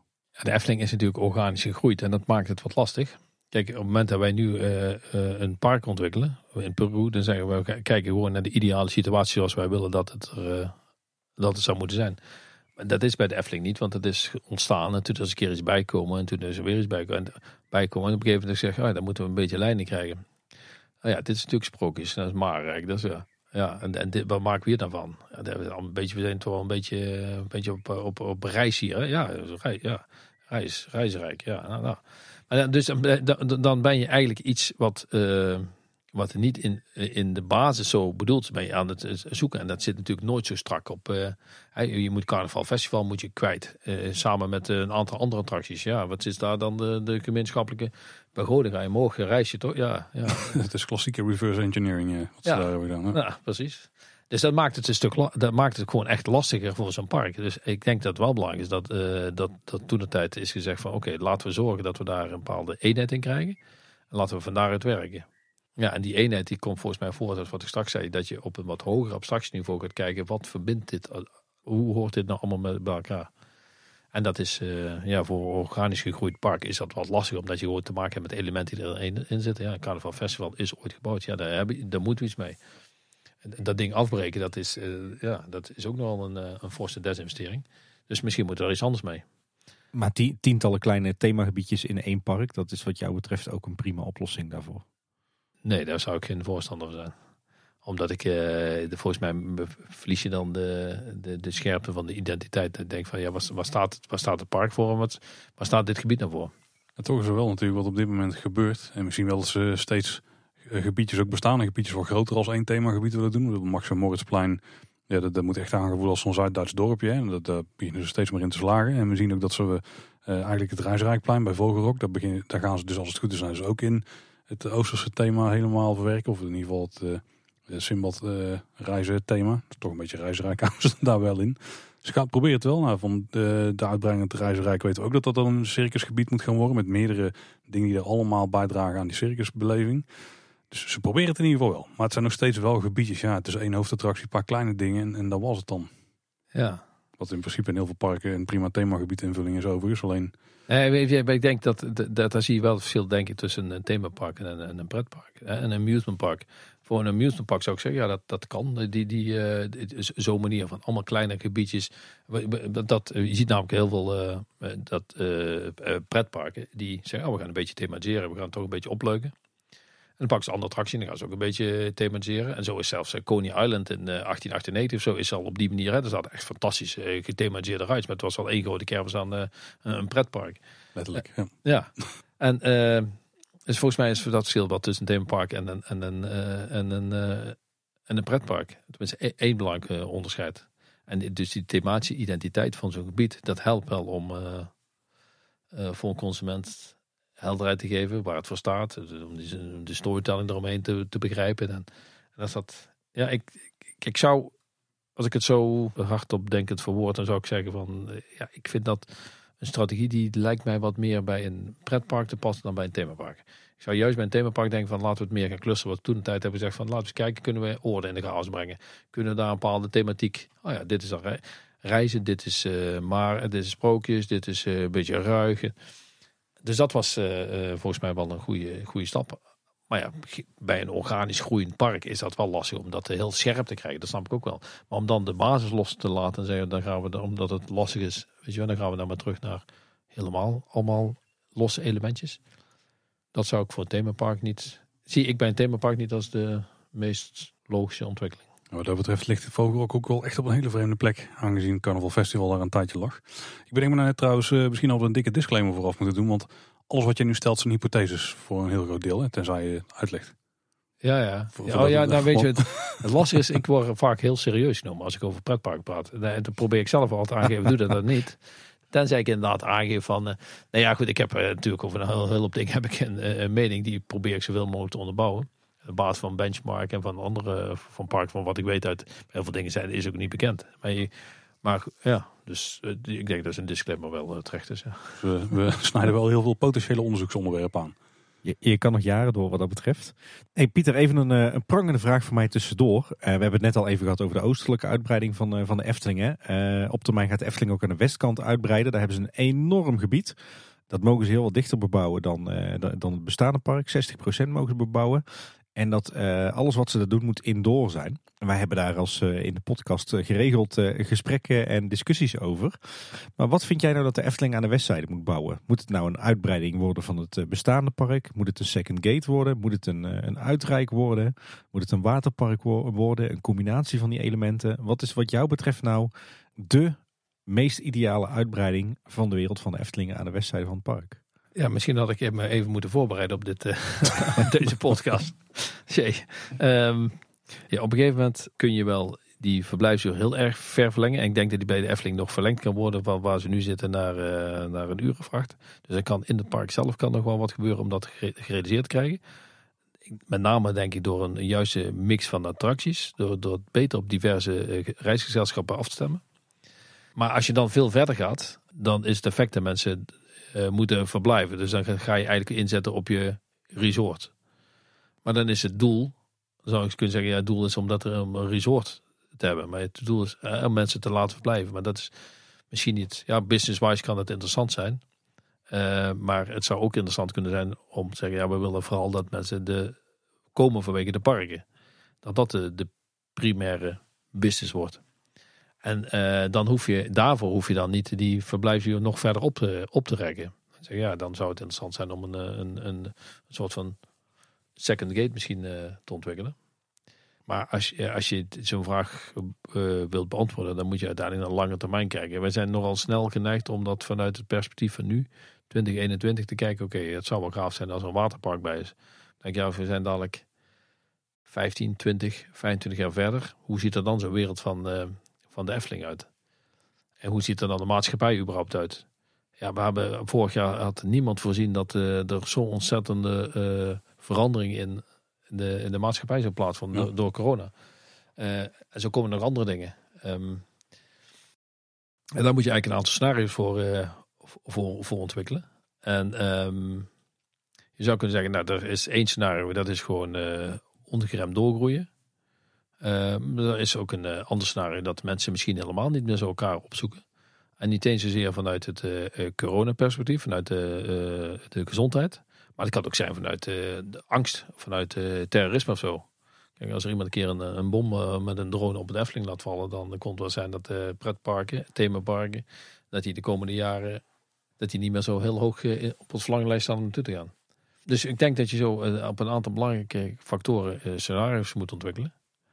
Die heb ik nog niet ontwikkeld voor de Efteling. Dus als je me vraagt van eh, wat zou ze daar nou moeten doen. zou Ik zeg ja, ik zou in ieder geval in scenario's denken. Ehm, en dan zou een scenario kunnen zijn, oké, we gaan doorontwikkelen naar een, eh, naar een eh, resort, een internationaal resort. Waarbij met name ook nou, een x-aantal, x procent buitenlandse toeristen naar ons park willen hebben. Als dat zo is, dan heb je ook nog een uitdaging in het park. Want je kunt wel zeggen, ik, heb, ik heb qua attractiewaarde heb ik iets leuks. Ik heb een, een Baron, een gave achtbaan. En ik heb een, droomvlucht. En die snapt ook wel ieder, iemand, eh, een- iemand uit Frankrijk. Maar er zijn nog heel veel dingen die, eh, die heel cultureel bepaald zijn. Ehm, dus de vraag is of dat zo automatisch kan. We, denken er wel vaak aan van we willen het resort uitbreiden, we willen meer internationaal toeristen. Maar dat betekent wel dat ook het park als zodanig daarop klaar voor moet zijn. Ehm, dus één scenario zou kunnen zijn, ja, we willen die internationale toeristen, die, internationale markt willen bijvoorbeeld meer eh, aan ons trekken. En dan is het logisch om dat eh, via een resort te doen. Dan kun je afvragen, ja, moet er dan inderdaad een, eh, voor die resort, voor die mensen een second gate bij? Je kunt ook zeggen, nou ja, we zien een aantal, we zien een aantal technologische ontwikkelingen. En één scenario is dat je vanuit een demografisch perspectief kijkt van oké, wat, wat, wat is er nou qua, de, qua doelgroepen aan de hand? Zowel nationaal als internationaal. Eh, eh, we zien dat er eh, kleinere huishoudens komen, dat gezinnen, daar, daarnaast weer gezinnen, samengestelde gezinnen zien we vaker. Dus we, zien dat mensen ouder worden, met name in een bepaalde regio. Dus daar kunnen we allemaal rekening houden. Ja, en, en die, die vergrijzing en ontgroening is wel iets wat aan de hand is. Dus als je zegt, ja, wat moet er gebeuren? Ik, en ik zou het van 20, vanuit 2021, vanuit de, positie, huidige positie van de Efteling bekijken. Denk ja, het zou wel gaaf zijn als de nog groter, nog beter wordt in hetgeen wat ze nu doen. Maar als ik 20, 25 jaar verder ben, is maar de vraag of dat zo heel erg sterk past bij eh, eh, waar dan de maatschappij staat. Nog los van allerlei disruptieve eh, zaken die zich kunnen voordoen. En een terroristische attack kan een hele grote impact hebben. En zo zijn ook technologische ontwikkelingen die het misschien wel eens ja, ons dingen la- anders laten realiseren. eh, dat we dingen op een andere manier gaan realiseren. Nou, stel iedereen krijgt een chip in zijn hoofd waardoor je in de virtuele wereld in je hoofd kunt rondlopen. Waarom Ja. zou je nog in een park gaan rondlopen? Dankjewel voor het voorbeeld, Paul. Nou, Dus, ja, Daar kan ik wel een paar redenen voor verzinnen op, Paul. Misschien Maar, daarom juist in zo'n park willen rondlopen. Kan natuurlijk ook. Nee, maar dat is wel een sterk. Nou, maar goed, da- dankjewel voor dat voorbeeld. Want dat is inderdaad een heel goed eh, voorbeeld. Van, eh, als we da- da- dat soort ontwikkelingen. Vroeger hadden wij een eh, 3D-bril, dat was gaaf. Hè? Ja, hoe lang is dat gaaf geweest? Eh, Ja, twee weken. Twee weken, toen kon ik thuis eh, met mijn 3D-bril mijn film zien. Ik denk, ja, daar hoef ik niet voor naar een themapark. Voor een themapark ga ik om te, om te ontsnappen. Escapisme natuurlijk belangrijk, maar eh, exploration, discovery, dat soort zaken. Dat zijn nog steeds wel de belangrijke eh, motieven om naar, eh, naar parken te gaan. En daar moet het op aansluiten. Maar ja, als, als die basisbehoefte op een andere manier wordt ingevuld over tw- eh, 10, 15, 20 jaar. Ja, dat gebied is zo volgebouwd. Het is punt niet. Als je voldoende budget hebt, dan heb je dat, eh, die hele zijde heb je zo volgebouwd. Maar het moet wel langdurig staan. Het moet over 20, 25, 30 jaar moet nog steeds functioneel zijn en werk zijn. En dus werkbaar zijn. En dus moet je volgens mij in scenario's eh, denken en kijken van wat zijn nou de belangrijkste ontwikkelingen.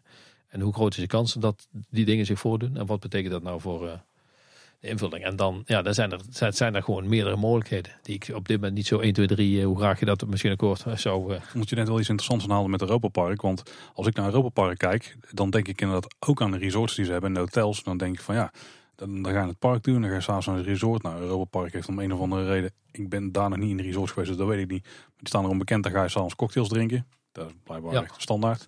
standaard, ja. En, er, en, en je hebt meerdere restaurants in de, de meeste ehm, eh, hotels. En je kunt ook nog van hotel naar hotel lopen. Dus ook naar een ander restaurant gaan als je dan een keer wil. En als ik dan kijk naar de Efteling, ik denk ik ga er overnachten. Ja, in Bosrijk heb je een huisje en ik weet dat je daar wel kunt eten. Maar de- daar is niet zoveel te doen buiten dat. Ja, ik heb Klaas vaak om nog een verhaaltje vertellen. Je kan naar de Albert Heijn lopen in de gasthuisstraat. Dat is ook een mooi uitstapje. Dat moet ik wel eh, jou toegeven. Ja. Maar zou daar nog voor de Efteling veel te halen zijn? Dat ze nog meer... Dat, ze, eh, dat, ze ook, dat is natuurlijk ook iets wat je kunt marketen. Maar het heel duidelijk is van als je hier komt overnachten... dan houdt het niet op zodra je s'avonds in je huisje aankomt. Maar we hebben ook nog een, een uitrijk. Misschien een interessante eh, investering. Of juist nog meer vertier toevoegen op die parken. Ja, er zijn natuurlijk eh, in het verleden heel veel van dat soort plannen geweest met eh, een uitrijk of een inrijk of een eh, een combinatie van eh, re- re- resort onderdelen. vijf, vier, vijf sterren hotels en inderdaad appartementen, bungalows. En, en die weg zijn ze wel gaandeweg aan het bewandelen. En dat zijn inderdaad opties. Maar nogmaals, om, daar een juiste onderbouwde keuze te maken, zul je volgens mij moeten kijken van hoe, situatie, hoe denken we dat de maatschappij er over 25 jaar uitziet. Dan denk ik dat de invloed van de media heel groot is, de invloed van technologie is heel groot. Ja, en als ik nu nu in 2021 zou zeggen, ik mag daar een half dan denk ik, ja, ik zou, ik zou het wel fijn vinden om dat voor, voor een bepaalde doelgroep en daar wat meer attractiewaarde neer te zetten. Dat is vrij snel gedaan. Ik zet er wat sierer uh, spullen in of uh, voor zo'n perlen of... Uh, Knal polyester overheen. En, uh... Ja, ik doe dat mooi. Gethematiseerd, Efteling waardig gethematiseerd. Maar dan heb ik iets mooi. Zoals we wel eerder hebben gehad, zo'n in, in, een Plopsaland te pannen, zo'n Maya gebied. Dat, dat, dat, is, uh, dat staat er volgend jaar of over twee jaar. Dat is punt niet. Alleen staat het over twintig jaar nog steeds. Ja. En hoe verhoudt zich dan dan, want je, want je zegt een paar hele, een hele uh, goede dingen die wat mij betreft wel echt een, een eye-opener zijn. Maar hoe verhoudt zich dat dan bijvoorbeeld uh, ten opzichte van de enorme groei van, of eigenlijk enorme explosie van waterparken die we overal zien uh, in, in, ja, eigenlijk op de hele wereld bij alle pret- en themaparken. Want ja, zwemmen is volgens mij toch ook zo'n ja, bezigheid waarvan je je kan afvragen, is dat over 10, 20, 25 jaar nog zo populair? En dan zit je met je waterpark. Ja, nou goed, een waterpark wordt vaak als een, een, een, een, snel als een second gate uh, gezien. Omdat het ook lastig is om uh, een, een tweede echt uh, volwaardig second gate te openen. Je ziet ook in Parijs hoe lang dat heeft geduurd voordat dat park een beetje niveau is. En voor de rest zien we niet zo heel veel parken die een, een second gate heeft, hebben. Ja, Porta Ventura. Maar dat is ook een redelijk beperkte second gate. Ja, met Safariland en, en ja, natuurlijk de Disney Park en Universal. Um, maar waterparken worden wel heel snel toegevoegd. Omdat dat een uh, waterpark is ook in volledige dagvullend uh, verblijf. Dat, als je vier uur, vijf uur in een waterpark verblijft, dan heb je gewoon een prima dag gehad. en de investeringen zijn vaak een stuk lager. Je kunt voor het, budget kun je een, een, een mooie toevoeging hebben aan je resort. 100, 150 miljoen. wat, wat heeft uh, gekost? Jullie weten het waarschijnlijk uit je hoofd. Maar... 50 was en dan de Kronosar er nog bij. Dat zal ik ik, ik heb geen idee. Ik weet wel dat het uh, waterpark wat Plopsa, de Plopsa groep laatst heeft geopend. Uh, op de taalgrens van uh, Wallonië en Vlaanderen was 20 miljoen volgens mij. Ja, precies. Dat is van een ander niveau. Dan, ja, dat is te kleiner. Ja. ja. Nou ja, goed. Je kunt inderdaad voor 20, 30 miljoen kun je gewoon een, indoor waterparkje bouwen. Maar als je zegt van, een, een, ik pak echt groot uit. Een roelantige met een buitengebied, een extra slides en alles erbij. Wat er nu weer aankomt, dan dat zijn het uh, forse investeringen, maar die, zijn, die, zijn, die staan in geen verhouding tot een, het bouwen van de second gate in de vorm van een themapark. Terwijl je wel vier, vijf uur verblijfsuur aan je resort toevoegt. Ja. En toch vaak die halve dag extra die je misschien dan naar het themapark gaat die anders niet was gegaan. Nou ja, vaak, precies vaak is in de Efteling, als, als we de verblijfsuur oprekken, ja, dan hoef ik er geen twee dagen te zijn. En zeker niet op een, op een rustige dag, want dan heb ik de droomvlucht inmiddels al 25 keer gedaan. denk ik, nou ken ik hem wel. Maar, of welke attractie ook. Maar dan heb je, uh, dan heb je die afwisseling met een waterpark. Ja, ik kan mezelf er weinig bij voorstellen. Ik ben een hekel aan zwemmen. Dus ik zal nooit naar een, uh, laat ik een waterpark zal voor mij nooit een argument zijn om een dag extra uh, ergens te besteden. Maar goed, in, in, de, in diezelfde lijn. Uh, de Efteling heeft nu twee, twee vakantieparken. De Efteling heeft één zeg maar op zichzelf staand hotel en nog een aantal hotelgebouwen in, in die vakantieparken. Uh, ze krijgen dankzij de goedkeuring van het bestemmingsplan enorme uitbreidingsruimte ook voor verblijfsaccommodatie. Uh, wat zijn wat jou betreft nou, gezien de huidige markt, wat, wat zijn nou verblijfsvormen die je nog toe zou moeten voegen aan de wereld van Efteling?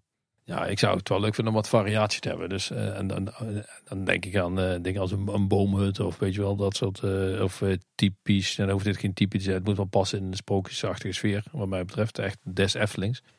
Maar er zijn, uh, er zijn allerlei leuke varianten mogelijk, anders dan een, uh, een, een stenen gebouwtje. En een camping of zo, zou dat iets zijn voor de Efteling zelf? Of zeg je van laat er maar aan de buurt over? Ja, als je, eh, als je het op een sprookjesachtige manier kunt invullen, dan kan dat denk ik een, een toegevoegde waarde zijn. Waarschijnlijk aan de onderkant van, van de markt. Gratis als... idee Efteling zorgen dat mensen hun tenten kunnen opzetten tussen kasteelruïnes. Zou echt goud zijn. Ja, dat zou misschien een leuk idee zijn. Ja. Maar het, het is, het, het is vaak, als je, of je zelf je tent opzet, of dat de kant-en-klare tenten zijn, of dat het uh, caravans zijn, chaletjes. Dat, ja, er zijn veel mogelijkheden. Maar de vraag is, wil, wil ik dat mijn business case laten worden? Of uh, zitten we toch meer op, uh, als we zeggen we zijn hoeder van het sprookje, wat volgens mij nog steeds de essentie is, denk je, ja, uh, wat draagt dat bij aan het hoeden van het sprookje? Zorg ervoor dat het sprookje dan gehoed wordt Dus zorg dat alles daarop. Dus dan, dan, ja, dan moet het een heel sprookjesachtige camping. En dan zeg je, ja, dat is gaaf. Dat sprookjes wilt beleven, moet je op de camping geweest zijn. Ja, dan is het. eh, maar dan is elke vorm is interessant. Dus wat ik eh, straks al zei, ja, dat is, zijn toch die drie lagen. Die onderste laag is niet de meest wezenlijke. Daar wordt uiteindelijk wel het geld mee verdiend, omdat het daar con- concreet wordt. Hè, of zintuigelijk waarneembaar, daar kunnen consumenten het afnemen. Maar het gaat er wel om van of dat des Eftelings is.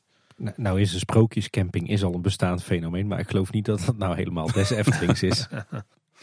En, en bijvoorbeeld eh, meer high-end hotel, zou zijn voor de Efteling? Want we hebben wel het Efteling Hotel, doet het vrij goed weten wij. Eh, de, de is, leuk, zeker voor als je kijkt hoe, ja, hoe beperkt het oppervlak eigenlijk is wat daar staat. Ik bedoel, het levert volgens mij de helft van Bosrijk op.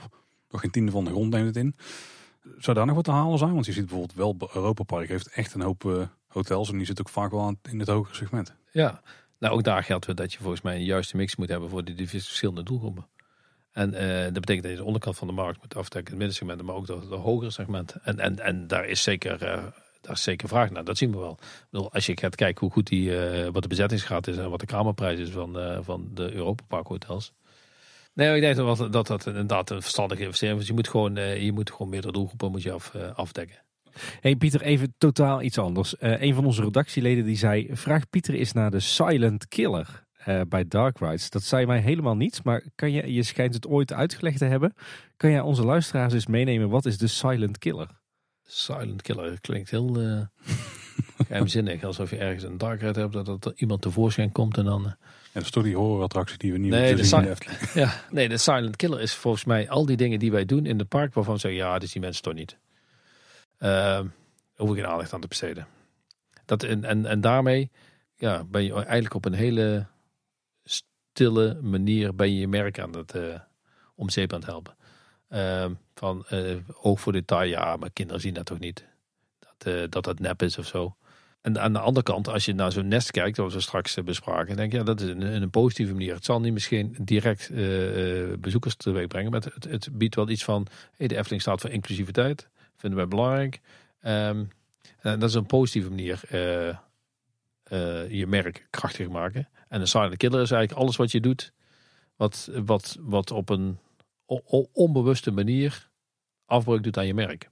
En dat onbewust is omdat je denkt van, ja, de, de, eigenlijk de laksheid, het, het rationaliseren. Ik maak wat, eh, maak wat verschil tussen McDonaldization en, eh, en Disneyzation. Ja. En de, het, het McDonaldiseren van een, van een park, eh, waar sommige parkgroepen heel goed in zijn. Ja, dat, dat zijn de silent killers. Van ja, alles wordt efficiënt, voorspelbaar, eh, controleerbaar. Ja, dat is nou net wat je als consument niet wil. Ja, dus een beetje je, je eigen klant onderschatten, eh, geen verwa- eh, verwachtingen willen overtreffen, geen oog voor detail. Dat, dat is dat Silent Killer. Ja, ik, ik, ik, ik luisterde laatst naar een podcast en dat ging over dark rides met eh, over favoriete dark rides van twee mannen. En die hadden dan eh, Ja, dat is niet zoveel die podcast volgens mij. Maar heel langdradig ook vooral. die hadden iets met, eh met, met Carnival Festival. Lang, dat de eerste scène is dat hij heel gaaf, dat hij nogal interessant is. Maar daarna, weet je wel, dan, lijkt het geld op. Maar het, is, eh, ach, daar valt er niet op. Het is de, al dat soort elementjes die we dan, eh, eh, waar, waar we niet de oog voor detail hebben. En met name dan voor de Efteling. Hè? Want dat is voor echt, Efteling is wel een themapark op niveau. Dat is echt wel anders dan voor een pretpark of voor een, wat, wat matiger themapark. Maar voor een merk als Efteling moet echt in mijn optiek alles een bijdrage leveren aan het merk de Efteling. En als je dat niet doet, ben je langzaam ben je dat merk aan het uitrollen, ben aan het verwateren. En dan is die- de basis voor je langdurig succes verdwijnt. Dus je bent langzaam je, de, de, de, echte de, de poten onder je park aan het wegzagen. En poten onder het park wegzagen, dat, dat, dat, dat is niet zo silent. Dat gaat dan eh, meestal eh, nogal rigoureus. Maar dat, met silent killer bedoel ik dat je dat heel langzaam een bepaalde eh, rationaliseringstendens hebt ingezet. Waardoor eh, beetje bij beetje het park eh, een beetje aan zijn glans begint te verliezen. En bij de Efteling kunnen we dat denk ik soms best concreet zien. Hè? Want eh, wij hebben altijd het onderhoudsblokje. Nou, er is wel eens dat er een muurtje afbrokkelt. hè, en dan, dan duurt het even dat het gerepareerd is. Als het al gerepareerd wordt, dan een paar eh, afbrokkelende muurtjes. Die zijn er al een tijdje bijvoorbeeld. En een schilderwerk wat dan eh, lang uitblijft. Dan kan ik me voorstellen dat het vaak ook budgettaire keuzes zijn. Alleen het is wel een risico voor de Efteling natuurlijk. Want hoe groter je wordt, hoe meer van dat soort objecten erbij komen die je moet blijven onderhouden. Dus daar moet je continu rekening mee houden natuurlijk. Nou ja, dat is wat ik, eh, wat ik straks aangaf van de Efteling heeft gewoon eh, 10% een beetje van het budget alleen aan de modificaties en eh, een groot serieus onderhoud. En hoe meer je eh, erbij bouwt, hoe, hoe groter dat wordt. Dus het is lastig om dat eh, systeem in, eh, in stand te houden. En dan be- bestaat het gevaar van, eh, nou ja, dan gaan we het maar eh, een schroefelbeurtje minder doen. Dat ziet toch niemand. Hè? En zo is dat met een Darkride ook. Van ja, het is een, een, een gave eh, eh, audio animatronic zou wel, animatronic zou wel, eh, wel mooi zijn. Maar ja, die is wel heel duur. Nou, dan doen we een, een eentje van, eh, van Hofman die gewoon zijn handjes, een handje wanneer doet. Dat is ook prima. Eh, Want jij zegt net, de Efteling die is nu een beetje in zo'n periode dat ze dus doen aan tijdelijke groei. Maar eigenlijk zou die permanente groei veel interessanter zijn. Dus want dan blijf je die basis houden zodat je alles wat je hebt staan kunt om blijven onderhouden. Nou, het is niet zo dat Efteling dat aan het doen is, maar het is de, de fase waarin de Efteling zit, dat dat eh, eh, in, in de transitie van, van permanent naar tijdelijk is. En dan kunnen ze verder weinig aan doen, omdat ze inmiddels een dermate groot eh, penetratie binnen hun markt. Hmm. Binnen hun markt hebben, dat ze een beetje aan dat, eh, dat maximum zitten wat, eh, wat er haalbaar is in die markt. Dus alles wat ze doen is, is weer even leidt tot een tijdelijke stijging en dan zakt het weer een beetje terug naar het, eh, naar het evenwichtspunt. En dat evenwichtspunt, wat, kijk, eerst had je bijvoorbeeld een evenwichtspunt van 2 miljoen en dan steeg je naar 2,5 en dan 3 en eh 3,5 en toen werd al, dan, dan wordt het 3,8 en de, de 4,1 en dan gaat het nog met 300 tegelijk. En, en je ziet dat dat steeds naar een soort asymptoot toe, toe werkt. Nou, dat is een beetje dat equilibrium. En, en nu zit je dus met de investeringen toch wel een beetje op, dat, eh, op die temporary growth. eh. Ja, oké. En toen zag je wel dat ze een paar eh, disruptieve dingen hebben gedaan. Ze hebben toen vakantieparken geopend. Ze hebben toen eh 360, 365 dagen rond open. Dat zijn natuurlijk dingen die dan wel helpen om even die flinke sprongen weer te maken. Ja, precies. Nou, dat zijn inderdaad van die, van die, van die grote disruptieve ontwikkelingen. Da- Daarmee zijn grote sprongen gemaakt. Maar je moet die grote sprongen, die moet je ook in de, in de, in de, in de financiële zin zien. Dus niet alleen de bezoekaantallen, maar het zijn bezoekaantallen gecombineerd met, eh, met de omzetten. Ja, en dus wat ik, wat ik, ja, je kunt, je kunt makkelijk groeien. Als je zegt, wil de Efteling, we willen 8 miljoen bezoekers halen. Nou ja, die, die, hebben, die kunnen we volgend jaar of het jaar erop al halen hoor. We gaan gewoon net zoals eh, sommige parken doen in het voorseizoen al eh, eh, 50% korting weggeven voor de rest van het jaar. En dan is eh, volgend jaar heb je 8 miljoen en het jaar erop zijn die mensen al geweest en die hoeven niet meer toe. En die zijn denken, het was wel heel druk en het viel wel een beetje tegen. En, en dan zie je dat het gaat eh, af, eh, afzakken. En dan kom je zo in zo'n geleidende schaal naar beneden. In dat verband, wat vind je dan van de Albert Heijn actie en andere kortingsacties? Die vind ik. Oh nee, ik ga toch nuanceer zeggen. nee, maar ik, waarom zou je korting geven? Eh, Ik snap niet waarom je korting geeft. Je, je hebt een fantastisch product. Je hebt het mooiste experience die mensen kunnen hebben. Waarom, waarom moet je daar korting op geven? Dan, neem je zelf niet serieus als je korting geeft. En als we dat met, maar we doen dat met z'n allen, dus we denken we kunnen niet anders. Dan denk je, als je marktleider bent, dan ben je de eerste die in ieder geval daar nog een beetje invloed op kunt, eh, kunt uitoefenen. Want de rest die hangt aan een elastiekje aan jou eh, mee te bungelen. Die moeten wel. Maar als je gewoon zegt, ja, wij stoppen met kortingen. Kijk naar eh, Europa Park. Niks in kortingen. Dit zijn we gewoon waard. Eh, nou, en mensen betalen het. En op het moment dat je dat doet, eh, komen er gewoon eh, goede eh, omzetten binnen. En kun je heel makkelijk kun je blijven investeren. En dan heb je niet die silent killers meer Nee. in het park. Want je hebt gewoon de mogelijkheden om, eh, om gewoon echt oog voor de tijd te help- hebben op elk niveau. Hebben ze zich daar misschien in de voet geschoten door daar dus ooit mee te beginnen? Want dan kom je er bijna niet meer vanaf. Want mensen gaan verwachten dat er weer zo'n actie komt. Ja, want je hebt nu hele volkstammen die, die wachten gewoon af tot de Albert Heijn actie er weer is. En tot het moment dat die actie start gaan ze echt geen reguliere Efteling tickets kopen. Nee, dat klopt. Ik denk dat ze daarmee in de voet, in- letterlijk in de, in de voet hebben geschoten. Ja. En op het moment dat ze ermee stoppen, dan, eh, ja, dan hakt het gewoon 200.000 bezoekers van een jaar af. Ik heb geen idee, misschien wel meer. Nee, dat zal wel meer zijn. Ik, ik ken de, de precieze aantallen op dit moment ook niet, maar eh, dat, is, dat is ongekend. Maar, en, ja, en, en, dat is één, maar het heeft een, eh, inderdaad een, een, een werking op de, ja, de, de, de kwaliteitsperceptie en de prijsperceptie van, van het park. Dus x procent maakt er gebruik van. Maar heel veel andere mensen denken, ja, maar ik moet wel de Efteling een bepaald bedrag waard. Dus het is lastig om, eh, om daar gewoon een, een goede, eh, go- nog uiteindelijk goede lead ticketprijs voor te kunnen, kunnen vragen. Eigenlijk was de pandemie wel een eh, heel geschikt moment om daar dan iets aan te doen natuurlijk. Want dan dat is het moment om op de resetknop te rammen en te zeggen van nou, daar gaan we dit jaar in ieder geval niet doen. Ja. Maar toch is het dit jaar weer gebeurd. Ja, misschien ook uit vrees dat als ze het niet doen, dat, de, dat er dan een enorme dip in bezoekersaantal ontstaat. dan denk ik, ja, dan is dat maar zo. En dan denk ik, eh, nou, ik zit op twee posities. Hè. Ik, als, als wetenschapper daar- vanuit die kant zou ik zeggen, ja, laat dat maar. Dat is, toch niet, dat is niet erg, dat, dat is het punt niet. Je gaat heel even door een zure appel om daarna beter uit de strijd naar voren te komen. Want dan heb je orde op zaak gesteld en zeggen dit zijn waard en nu gaan we dit... En, en het, het, is de vraag of het uiteindelijk in je, in je omzet nog heel veel verschil maakt. En dan kun je, kunt kijken waar die tijd hoe zich verhoudt. En minder aantallen tegen een hogere prijs kan net zo interessant zijn als veel aantallen tegen lagere prijs qua omzet. Maar dan heb je ook nog de kostkant. De kostkant is ook lager als je minder bezoekers hebt. Dus ik heb al eerder gezegd, waarom moet je naar 7 miljoen bezoekers als je er ook gewoon met 5 miljoen met goede rendementen het zou, uh, zou kunnen doen. Maar ja, dat, dat willen we natuurlijk niet. Want als fans vinden het wel fijn. Ja, parken moeten gewoon investeren. Want dat is gaaf. Ik wil gewoon een hele dag ik wil allerlei attracties doen. Maar als ik puur gewoon vanuit een uh, businessmodel benader, is het de vraag of dat uh, zo verstandig is. En dan denk ik in ieder geval, ja, korting geven uh, ik, zie, ik zie daar, ik, ik snap het niet dat er overal, overal op de wereld wordt korting. Ik kreeg het net te doen, ra, radiocommercial hoorde ik. Ik weet het niet meer kreeg, maar ik kreeg er twee, uh, twee dagen verblijf bij Libema, bij uh, Beekse Bergen bij. Ik denk, nou, leuk, maar waar, moet ik met een tweedaags verblijf bij de Beekse Bergen? Als ik een, ik weet het niet meer wat, het was een tandenbos, ik weet niet wat het was. Het heeft er niks met elkaar te maken. Is, is dan dat product als zodanig niet goed genoeg of zo? Ik vind het, het is voor de markt niet goed.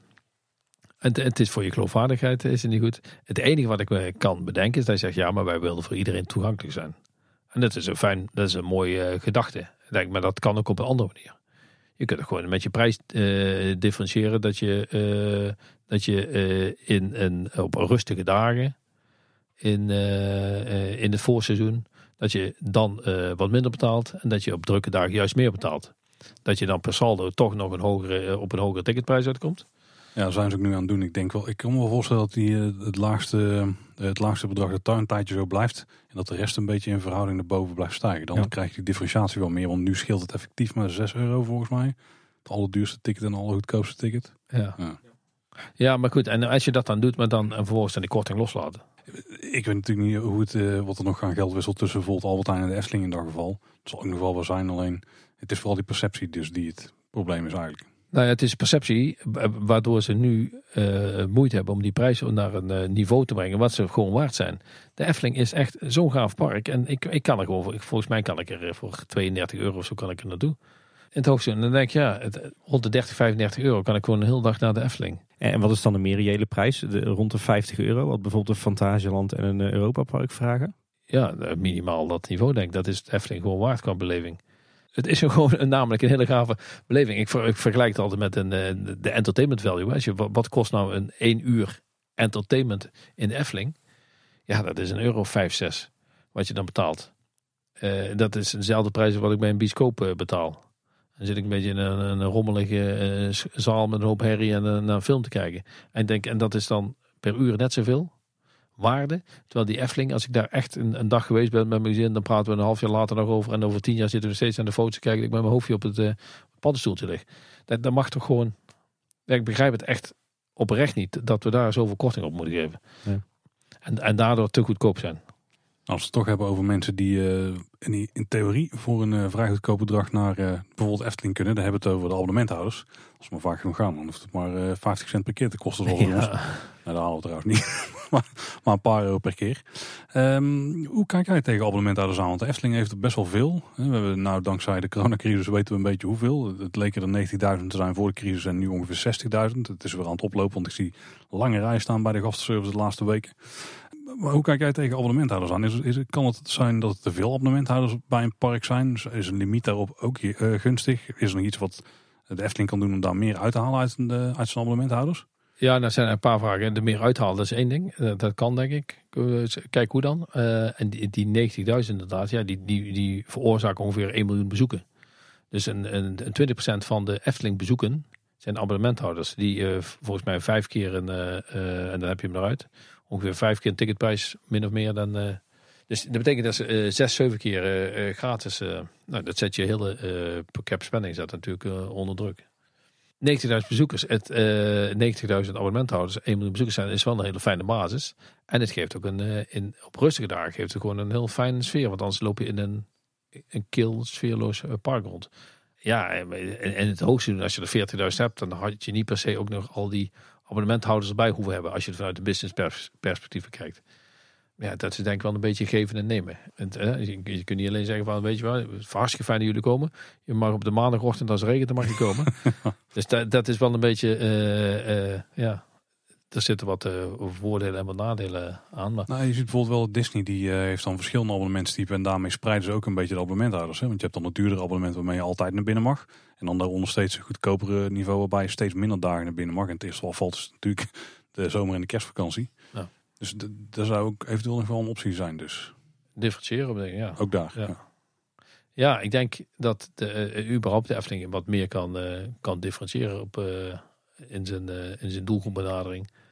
In het aanbod wat ze hebben, in zijn prijsbeleid. En dat is, dat is langzamerhand volgens mij wel een, iets, een, een strategie die een beetje begint te komen. Maar Is, het- het Nederlands? Want ik kan me ook nog voorstellen dat jij met heel veel studies ook rekening mee moet houden met, met de cultuur van de omgeving waar je iets uitzet. En speelt dat dan daar nog bij een rol? Dat er bepaalde dingen zijn die misschien in Amerika bijvoorbeeld heel voor de hand liggend zijn. Of in Zuid-Amerika waar zo'n project draait. Maar wat in Nederland misschien niet werkt? Of zijn we daar allemaal te voorzichtig in? ja, wij, wij staan er onbekend dat wij een zuinig volkje zijn en dat we graag kortingen willen en zo. Ik kan me voorstellen dat dat wel meespeelt. Ja, en ook misschien dat je verschillende bijna klassen creëert, zeg maar. Je hebt de mensen die dan altijd naar binnen mogen en de mensen die dan af en toe naar binnen mogen. Dus Oh. zou dat nog mee Ja, op die manier, ja. Ja, nou goed, wij, wij hebben wel een, eh, in die zin een beetje een inclusieve maatschappij. En we zijn heel eh, erg eh, betrokken met elkaar. En dat, is, en dat is wel een groot verschil met Amerika bijvoorbeeld. Dus in die zin is, en, en daar staat de Efteling ook wel voor. Hè? De Efteling als soort van moeder de gans die voor iedereen goed zorgt. En voor iedereen wel iets wil, wil kunnen betekenen. Dus dat is ook wel een heel fijne gedachtegoed. En dat, ik denk dat ze dat ook moet, vooral moeten vasthouden. Maar daar kun je wel volgens mij in, in, in nuanceren en differentiëren. En dan het tweede deel van de vraag was inderdaad, eh, wat kan Efteling nog doen om meer uit haar abonnementhouders te halen? Ik denk dat met eh, alles bij het, ermee begint dat de, de binding met de abonnementhouders. Ja, je hebt eh, bij, als je het hebt over loyaliteit, heb je, je hebt de gedragsloyaliteit en je hebt attitudinele loyaliteit. Dus ik kan heel erg gedragsloyaal zijn zonder dat ik een eh, positieve, echt een extreem positieve attitude heb ten aanzien van, eh, van het eh, park. Dus je kunt een, een matrix maken waarbij je op de ene as in, in, in, op drie niveaus de gedragsloyaliteit zet. En op de andere as op drie niveaus de psychologische loyaliteit. En dan wil je eigenlijk dat je rechtsboven zit. Met mensen die gedragsloyaal zijn en met ook een hele sterke psychologische commitment. Wat je eigenlijk niet wil, is dat je mensen hebt die heel erg gedragsloyaal zijn, maar absoluut niet psychologisch eh, commitment hebben. Want dan heb je liever dat ze een hoger psychologisch commitment hebben en een lage gedragsloyaliteit. Die moet je even uitleggen voor onze luisteraars, Pieter. Ah, dan moet je een tekening en een velletje hebben. Want als je dus rechtsbovenin zit, dan kom je bijvoorbeeld heel vaak in Efteling. Je geeft er heel veel geld aan uit. Eh, maar je, je, je, vindt het ook een van de geweldigste, of niet het geweldigste, wat je in Nederland in je vrije tijd kunt doen. Precies. En als je rechtsonder zit, dan denk je, ja, ik ga eh, naar de Efteling, want het is eh, in de buurt en het is goedkoop. En ja, ik heb niet zo'n heel erg binding met merk. En liever heb ik dat mensen dan linksboven zitten, dat ze een hele hoge psychologische commitment hebben, maar relatief lage eh gedragsloyaliteit. Dat ze minder vaak komen. Maar dat ze wel gewoon die binding hebben met de Efteling. Zeggen, ja, de Efteling, ik heb gewoon de liefde, maar ik krijg gewoon echt een warm gevoel rondom mijn hart als ik aan de Efteling denk. Ik heb eigenlijk te weinig tijd om naartoe te gaan. Ik heb al een abonnement. Ik kom er eigenlijk maar drie, vier keer. Maar ik zou vaker willen gaan.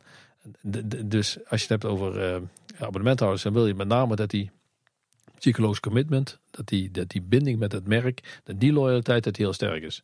En dan hoeven ze mij geen twaalf keer te komen. Ja, dat mag, want elke keer dat ze komen, dan besteden ze weer wat. En, eh, dus het, het, het, het, leidt, het leidt ook nog wel tot secondary spending. Maar liever zou ik, als ik iets wil verdienen aan die, eh, aan die eh, abonnementhouders, dat ik het via die as van die psychologische commitment ga doen. Dat is echt een sterke binding hebben. Want als ik een sterke binding heb met de wil ik dat uiten. Dan wil ik een pardoesknuffel of dan wil ik iets van, ik, ik, dat is mijn merk.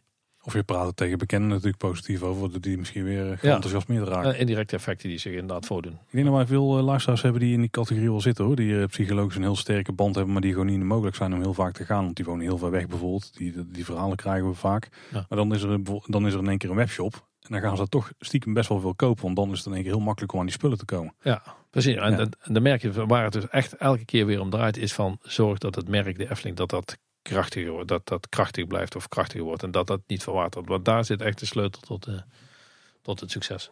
Maar ook met dit soort vraagstukken over hoe ga je om met de abonnementhouders. Zijn hardticket events daar nog een, eh, een, een mogelijkheid toe? Om dus uh, meer te verdienen aan bijvoorbeeld je abonnementhouders?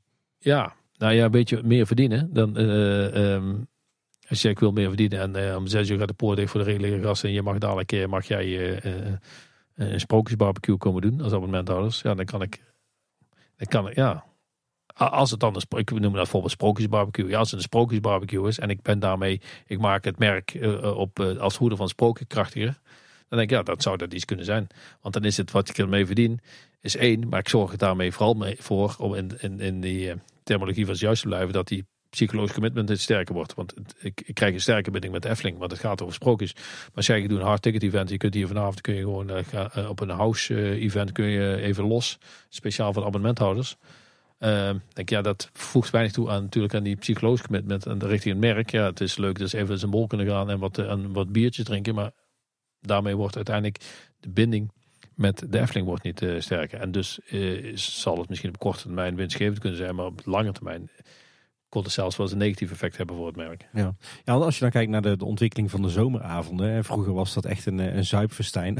om het maar even heel platvloers uh, te maken. Met, met allerhande artiesten van uh, verschillend allooi. En het, het, was toen ook vooral denk ik ook op de, de abonnementhouders gericht. En de laatste jaren is het steeds meer bedoeld voor de gezinnetjes, voor de daggasten. Het, het is wat meer thematisch. Er zijn pleinen met, met acts die vaak verwijzen naar de attracties als ik jou zo beluister, dan is de Efteling wat dat betreft eh, echt de goede weg ingeslagen met eh, de, de nieuwe generatie zomeravonden. Ja, maar dat heeft niet eens zozeer te maken met de, hoe ze dat richting de abonnementhouders doet. Ik denk dat dat vooral te maken heeft met de spreiding van je bezoekaantallen. Want het heeft zo weinig zin om in een drukke dag, als het al zo ontzettend druk is, om dan nog meer entertainment aan te bieden. Uh, vaak nog tegen dezelfde prijs of 1 of 2 euro meer, maar niet echt substantieel meer. Om nog meer mensen te krijgen. Liever heb ik dat die, dat die dan spreiden naar de, de, de schoudermaanden. En, wat, uh, en, en, dat het in nove oktober, november of maart, april, dat ik dan meer dat, dat het spreidt. Dus voor iedereen is het fijner. Het is voor de Efteling fijner, operationeel gezien, dat je gewoon elke dag 15.000 bezoekers hebt. Maar het is voor die gast ook fijner. Want die beleving is gewoon is dan beter als dat je met 40.000 man ergens op een veld staat. Dus liever hard tickets events in het schouderseizoen dan? Nou ja, uh, ik, moet dat een hard ticket event zijn? Ja, uh, jij wilt die abonnementhouders gewoon echt iets... Nee, hoeft voor, voor mij ook zeker niet alleen voor de abonnementhouders. Maar ik, uh, ik zoek gewoon naar een manier om juist die, het, het, het echte laagseizoen, om daar meer bezoekers naartoe te krijgen. Ja, dan denk je, ja, een hard ticket event zou kunnen. Maar dan zou ik denken, maar hoe wordt dat dan ingevuld? Wat wordt dan het concept wat passend is bij dat hooggelegen Efteling merk? Waardoor ik op lange termijn iets heb waarmee ik die bezoekers kan spreiden. Dat is bij Toverland is dat Halloween, waar ze heel succesvol mee zijn in, uh, in oktober. Nou, wat gaat dan de Efteling? Heeft u het winter Efteling wat fantastisch is? Wat gaan ze in die andere maanden? Wat kunnen we nou conceptueel vinden? Wat het merk de Efteling gewoon echt een stevige basis, nog een stevige basis geeft. En wat aantrekkelijk is om uh, ja, die mensen in, in, de maand juli laten besluiten, weet je waar, ik ga wel in, uh, in oktober naar de Efteling. Of ik ga ik denk dat die vraag op Ravelijn voor veel hoofdpijn heeft gezorgd. Dat is een vrij pittige vraag. Tenminste, wij hebben hem zelf ook wel eens proberen te beantwoorden. En je zoekt inderdaad voor de, de Eftelingse variant van een Halloween, wat dan geen Halloween is. Ja, maar goed, ja, maar dat kan natuurlijk ook in het voorjaar. De, de Efteling, uh, de, de, de magische zomer. De magische moet natuurlijk ook mee uitkijken. Heb ik volgens mij vorige keer ook al verteld. Hè? Want dat, dat, dat zit ook. De Efteling en Toverland moeten wel voldoende van elkaar onderscheiden blijven. De wonderlijke. De, de, ja. dat, dat, dat allitereert alweer mooi met winter. Maar Wonderlijke voorjaars, nee. Wonderlijk, ja. nou ja. De wonderlijke lenteweken waarbij... Uh, we hebben, studenten hebben pas geleden een eh, concept bij ons ontwikkeld bij Fontes. Bij de Minor Accountable Concepting. En dan moet je een concept ontwikkelen die accountable zijn. Die uiteindelijk ook uh, ergens toe leiden. En die hebben toen voor de Efteling een concept met de soort van... Uh, wonderlijke, magische wonderlijke lenteweek. Waarbij dan de soort keukenhofachtige en, en dan in het voorjaar met ook wat entertainment op aangepast en gaan ze maar door. En dat zou een event kunnen zijn waarmee je op, uh, ja, in maart, april, uh, in het vroege voorjaar mensen naar, naar de Efteling trekt. Denk hé, hey, dat dat zo gaaf is. En er is een soort van corso-achtige, bloemenachtige parade of, in de Efteling. Dat is eigenlijk best wel leuk. weet je wel, ik ga eens in het voorjaar. Nou, zoiets een beetje het Flower and Garden Festival uit Epcot, maar dan de Eftelingse variant. Ja, nou ja, Flower oh ja, dat is inderdaad een uh, prachtig uh, festival. En, daar, nou, ik vind dat gaver dan de, de Food and Wine, uh, die we ook altijd in november daar tegenkomen. Mensen, mensen, dat zijn, zullen de bestedingen waarschijnlijk hoger zijn bij de Food and Wine in Epcot. eh, dan bij de eh, Flower and Garden. eh. maar ik denk dat dat het laatste wel een betere beleving teweeg brengt. En ook unieker, want je hebt tegenwoordig natuurlijk in ieder dorp een eh, hap- en stapfestival. Ja. Nee, goed, maar ja, goed, als Efteling hap en stap, dat kan natuurlijk prima. Even iets, iets totaal anders. Eh, je ziet dat de Efteling in de jaren 80 enorm investeerde in. Hè. Het moest het hoogste zijn van Europa, het eerste van Europa. Het moest heel erg onderscheidend zijn. Ze kozen voor attracties die ze in eigen huis eh, ontwikkelden. Denk aan een, een droomvlucht, een vliegende Hollander, een Villa Volta. En je ziet dat ze, de laatste jaren veel meer op het, eh, pad zitten van proven technology. Van bestaande attractietypes. Die ze dan met een, een typisch Efteling sausje overgieten. Die ze een, een thema geven. Verstandige ontwikkeling wat jou betreft? Ja, ik denk, eh, ja, ik zou nog een stapje verder willen gaan. Eh, dat, dat de Efteling ehm, heeft inderdaad proven technology. Maar de Efteling kiest ervoor, waar wij willen een soort coaster, een dive coaster, een bepaalde... Eigenlijk zou je zeggen, ja, maar als een, een themapark van het allure van Efteling. Ik heb een bepaald verhaal te vertellen. En eh, op welke manier ga ik dat verhaal dan vertellen? En dan komt er uiteindelijk in de ruitselectie. Dan komt er een bepaald type ruit komt eruit. In plaats van dat je het omdraait. Dus als je naar Avatar gaat kijken, in eh, ons favoriete, mijn favoriete gebied eh, in, eh, in themaparkwereld. Ja, dan hebben we daar eh, in Pandora hebben een verhaal te vertellen. Denk, hoe kunnen we nou dat gevoel en die beleving die we mee willen geven, hoe kunnen we die nou best gerealiseerd krijgen? Ja, dan moet er een soort van simulator of dan moet een, een, een bootride moeten komen. En daarmee kunnen we dat best doen. Dus ja, het zou het op die manier eh, eh, eh, moeten insteken. Waarbij je dan wel uiteindelijk op een punt komt van ja, het moet wel qua selectiekeuze, qua ridekeuze moet het wel voldoende onderscheidend zijn. De rationing, zoals we dat noemen, binnen het park, dat het wel eh, voor eh, dat we niet eh, twaalf rollercoasters hebben staan. Of zes bootrides. Of, maar ik denk wel dat je daar eigenlijk van themapark mee zou moeten beginnen. Van, vanuit de storytelling en de beleving. En we willen een bepaalde immersive world creëren. En hoe kunnen we dat het beste doen? In plaats van het andersom doen, zeggen oh, we moeten nou een junior coaster moeten bij. Oké, dan gaan we, wat je zegt, een Efteling sausje aan toevoegen. Zou eigenlijk met dat verhaal moeten beginnen. En dan zeggen oké, hoe gaan we dat qua attractie Ja, misschien is dat wel natuurlijk makkelijker voor de Disney's en de Universals, want die hebben heel veel IP waar ze op kunnen baseren. Eh, Ik kijk naar eh, de, de Wizarding World of Harry Potter. Daar hebben ze de Harry Potter eh, wereld willen ze daar schapen. Ja, ja, was cool. Ja, als we kunnen vliegen op zo'n bezemstil, ja, hoe gaan we dat dan doen? Ja, dat weet ik niet. Partner Dynamic Attractions, kom even kijken. Oh, we hebben nog wel iets bedacht met zo'n kukenarm. Misschien is dat wel iets. Ik kan me voorstellen dat dat zo is gegaan. Heel erg gechargeerd. Netflix wel. Ja. Maar bij de Efteling, ja, die, daar werkt het toch anders. Die zitten nog steeds heel erg naar de doelgroepen te kijken. En hoe kunnen we die bedienen? En dan kom je toch al sneller in die attractietypes terecht, denk ik. Ja, dat, dat zou kunnen. Maar ik, ik denk dat eh, de Efteling echt wel van het niveau is. Dat ze dat op die manier ook zouden, eh, zouden kunnen. In ieder geval dat hebben gehad als eh, echt uniek onderscheidende positie die ze hadden. Volgens mij had je, zouden ze op die manier verder kunnen, kunnen ontwikkelen. Eigenlijk is dat met uh, Pardoes, is met symbolica, is wel een uh, soortgelijke manier geweest. Van oké, we hebben nou, willen nou iets, als je het dan over content hebt, IP, we willen iets met uh, Pardoes doen. Ja, die, dat kan op allerlei manieren. Nou, we vinden uiteindelijk een ETF-ruitsysteem wat dat er mooi bij aansluit. Maar het is niet zo geweest dat ze hebben gezegd van, uh, oké, okay, we willen dit ruitsysteem, ja. ga daar maar eens een sausje overheen. Ja, ja klopt. Ja. Nee, de Efteling snuffelt daar ook wel aan. Want we weten dat het ook zoals bij de Vliegende Hollander, hè, daar was de, de opdracht vanuit de directie ook, vertel het verhaal van de Vliegende Hollander. Nee, dit, dit, dit, dit, nee, nee, nee, nee. Ik zie wel is... nog staan met zijn uh, McDonald's ja, nee, nee, er moet een combinatie komen tussen een, uh, eigenlijk zo'n zo'n splash Zoals we die in Jurassic Park uh, uh, hebben gezien. In, uh, in Universal Islands of Adventure. Met een, een soort van Atlantis. En, hoe heet die? Een, de Poseidon, precies. De Poseidon. We zijn er toen nog geweest kijken. Van de Poseidon, dat, dat moet het worden. En dit wordt het ritssysteem. En dan wordt het thema wordt, de Vliegende Hollander. Dan, dan, dan is het toch een beetje geromantiseerd in mijn gedachten. Nee, het ritssysteem is uh, daar leidend geweest. Ik weet nog, we zaten eerst in, uh, we waren eerst in, uh, in Amerika, in Orlando. En toen zagen we die gigantische splash van Jurassic Park. Die in Islands of Adventure. Dat is gaaf. En daar zat ook het effect in dat je daar die, T-Rex zag je. En daar schrok je van. En dan was je mee bezig. En dan donderde je zo naar beneden 20 meter. Dus dan moest erin. Dat is nou zeg maar dat je met die waterprojectie ziet. En dan ja, en bovenaan zie je het gezicht nog van, uh, van het dekken. Niet zo indrukwekkend als de T-Rex, maar... Ja, maar dat is wel het idee, dat je naar beneden dondert. En vervolgens zijn, en het, eh, zijn we naar Europa geweest. En dus, eh, van eh, de Poseidon. Van, dat is van een gaaf uh. Dus dat zou eigenlijk een combinatie tussen een, uh, een, een dark ride en een, en een water, uh, waterride. Dus dat is het ritssysteem. En toen is een, een, een, dag later, we waren terug uit Europa. Toen moest Karel, mocht op kantoor komen van dit wordt het thema. En dat is de Vliegende Hollander. En volgens mij is het bij de Efteling ook vaak van een combinatie. Dat er ideeën zijn voor thema's en dat er dan ook uh, ride systemen zich aanbieden of zo. Misschien dat de leverancier ermee komt als ze dan 1 plus 1 gaan optellen.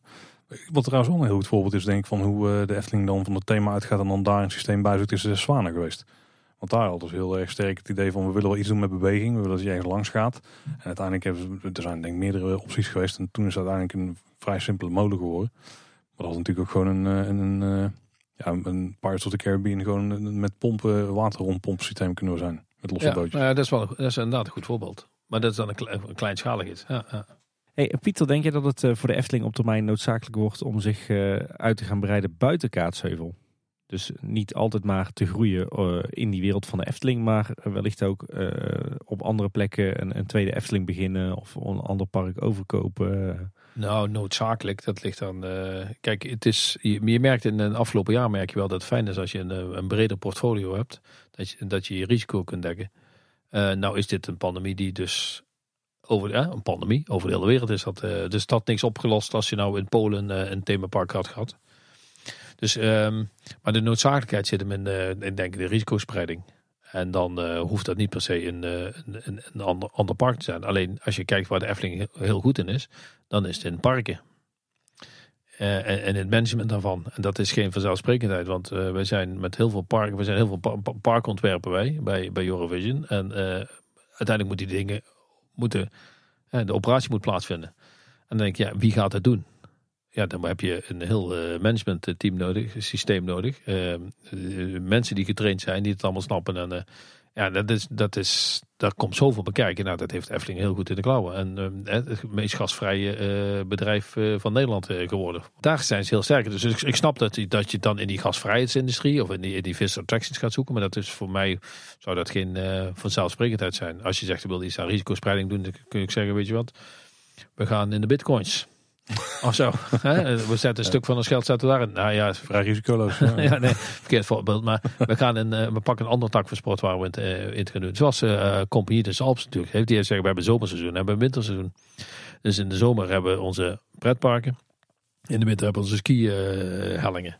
ja, dat is een mooie vorm van, van risicospreiding. Ja, en dat zou de Efteling kunnen doen. Uh, daarover gesproken, de je ziet dat Efteling op dat gebied misschien wel de laatste jaren een terugtrekkende beweging maakt. Ze focussen zich vooral op het park en alles daaromheen, dat wordt uh, ja, gefaseerd afgestoten. Hè. Denk aan een Efteling Radio, denk aan de evenemententak, denk aan het golfpark. maar ook kleine dingen als zo'n webshop die dan weer verdwijnt. Zeg jij, dat is begrijpelijk die focus op het park? of zeg je nou, het is toch verstandiger om het merk Efteling breder in de markt te zetten?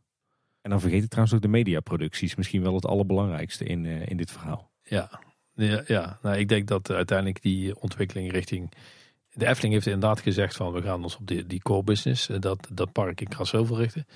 Ik kan me voorstellen dat als we gewoon 20, 25 jaar verder zijn, dat de Efteling toch zegt van uh, maar die uh, die wereld van die vrije tijd die is uh, zo hybride aan het worden. We zien echt een, die vervlechting tussen die uh, symbolische en die fysieke wereld van die vrije tijd. Daar, daar ontkomen wij niet aan om dat ook te doen. Dus wij gaan toch richting die mediaproductie, zo gaan we iets ondernemen. En we gaan dingen die we, die we nu in deze fase hebben afgestoten, die worden misschien toch opgepoetst of op een andere manier erbij betrokken. Want ik denk dat je gewoon in deze situatie van de Efteling nu zit, dat het begrijpelijk is dat, uh, dat dat gebeurd is. De mediaproducties is ook niet altijd de meest succesvolle uh, tak van de Efteling geweest.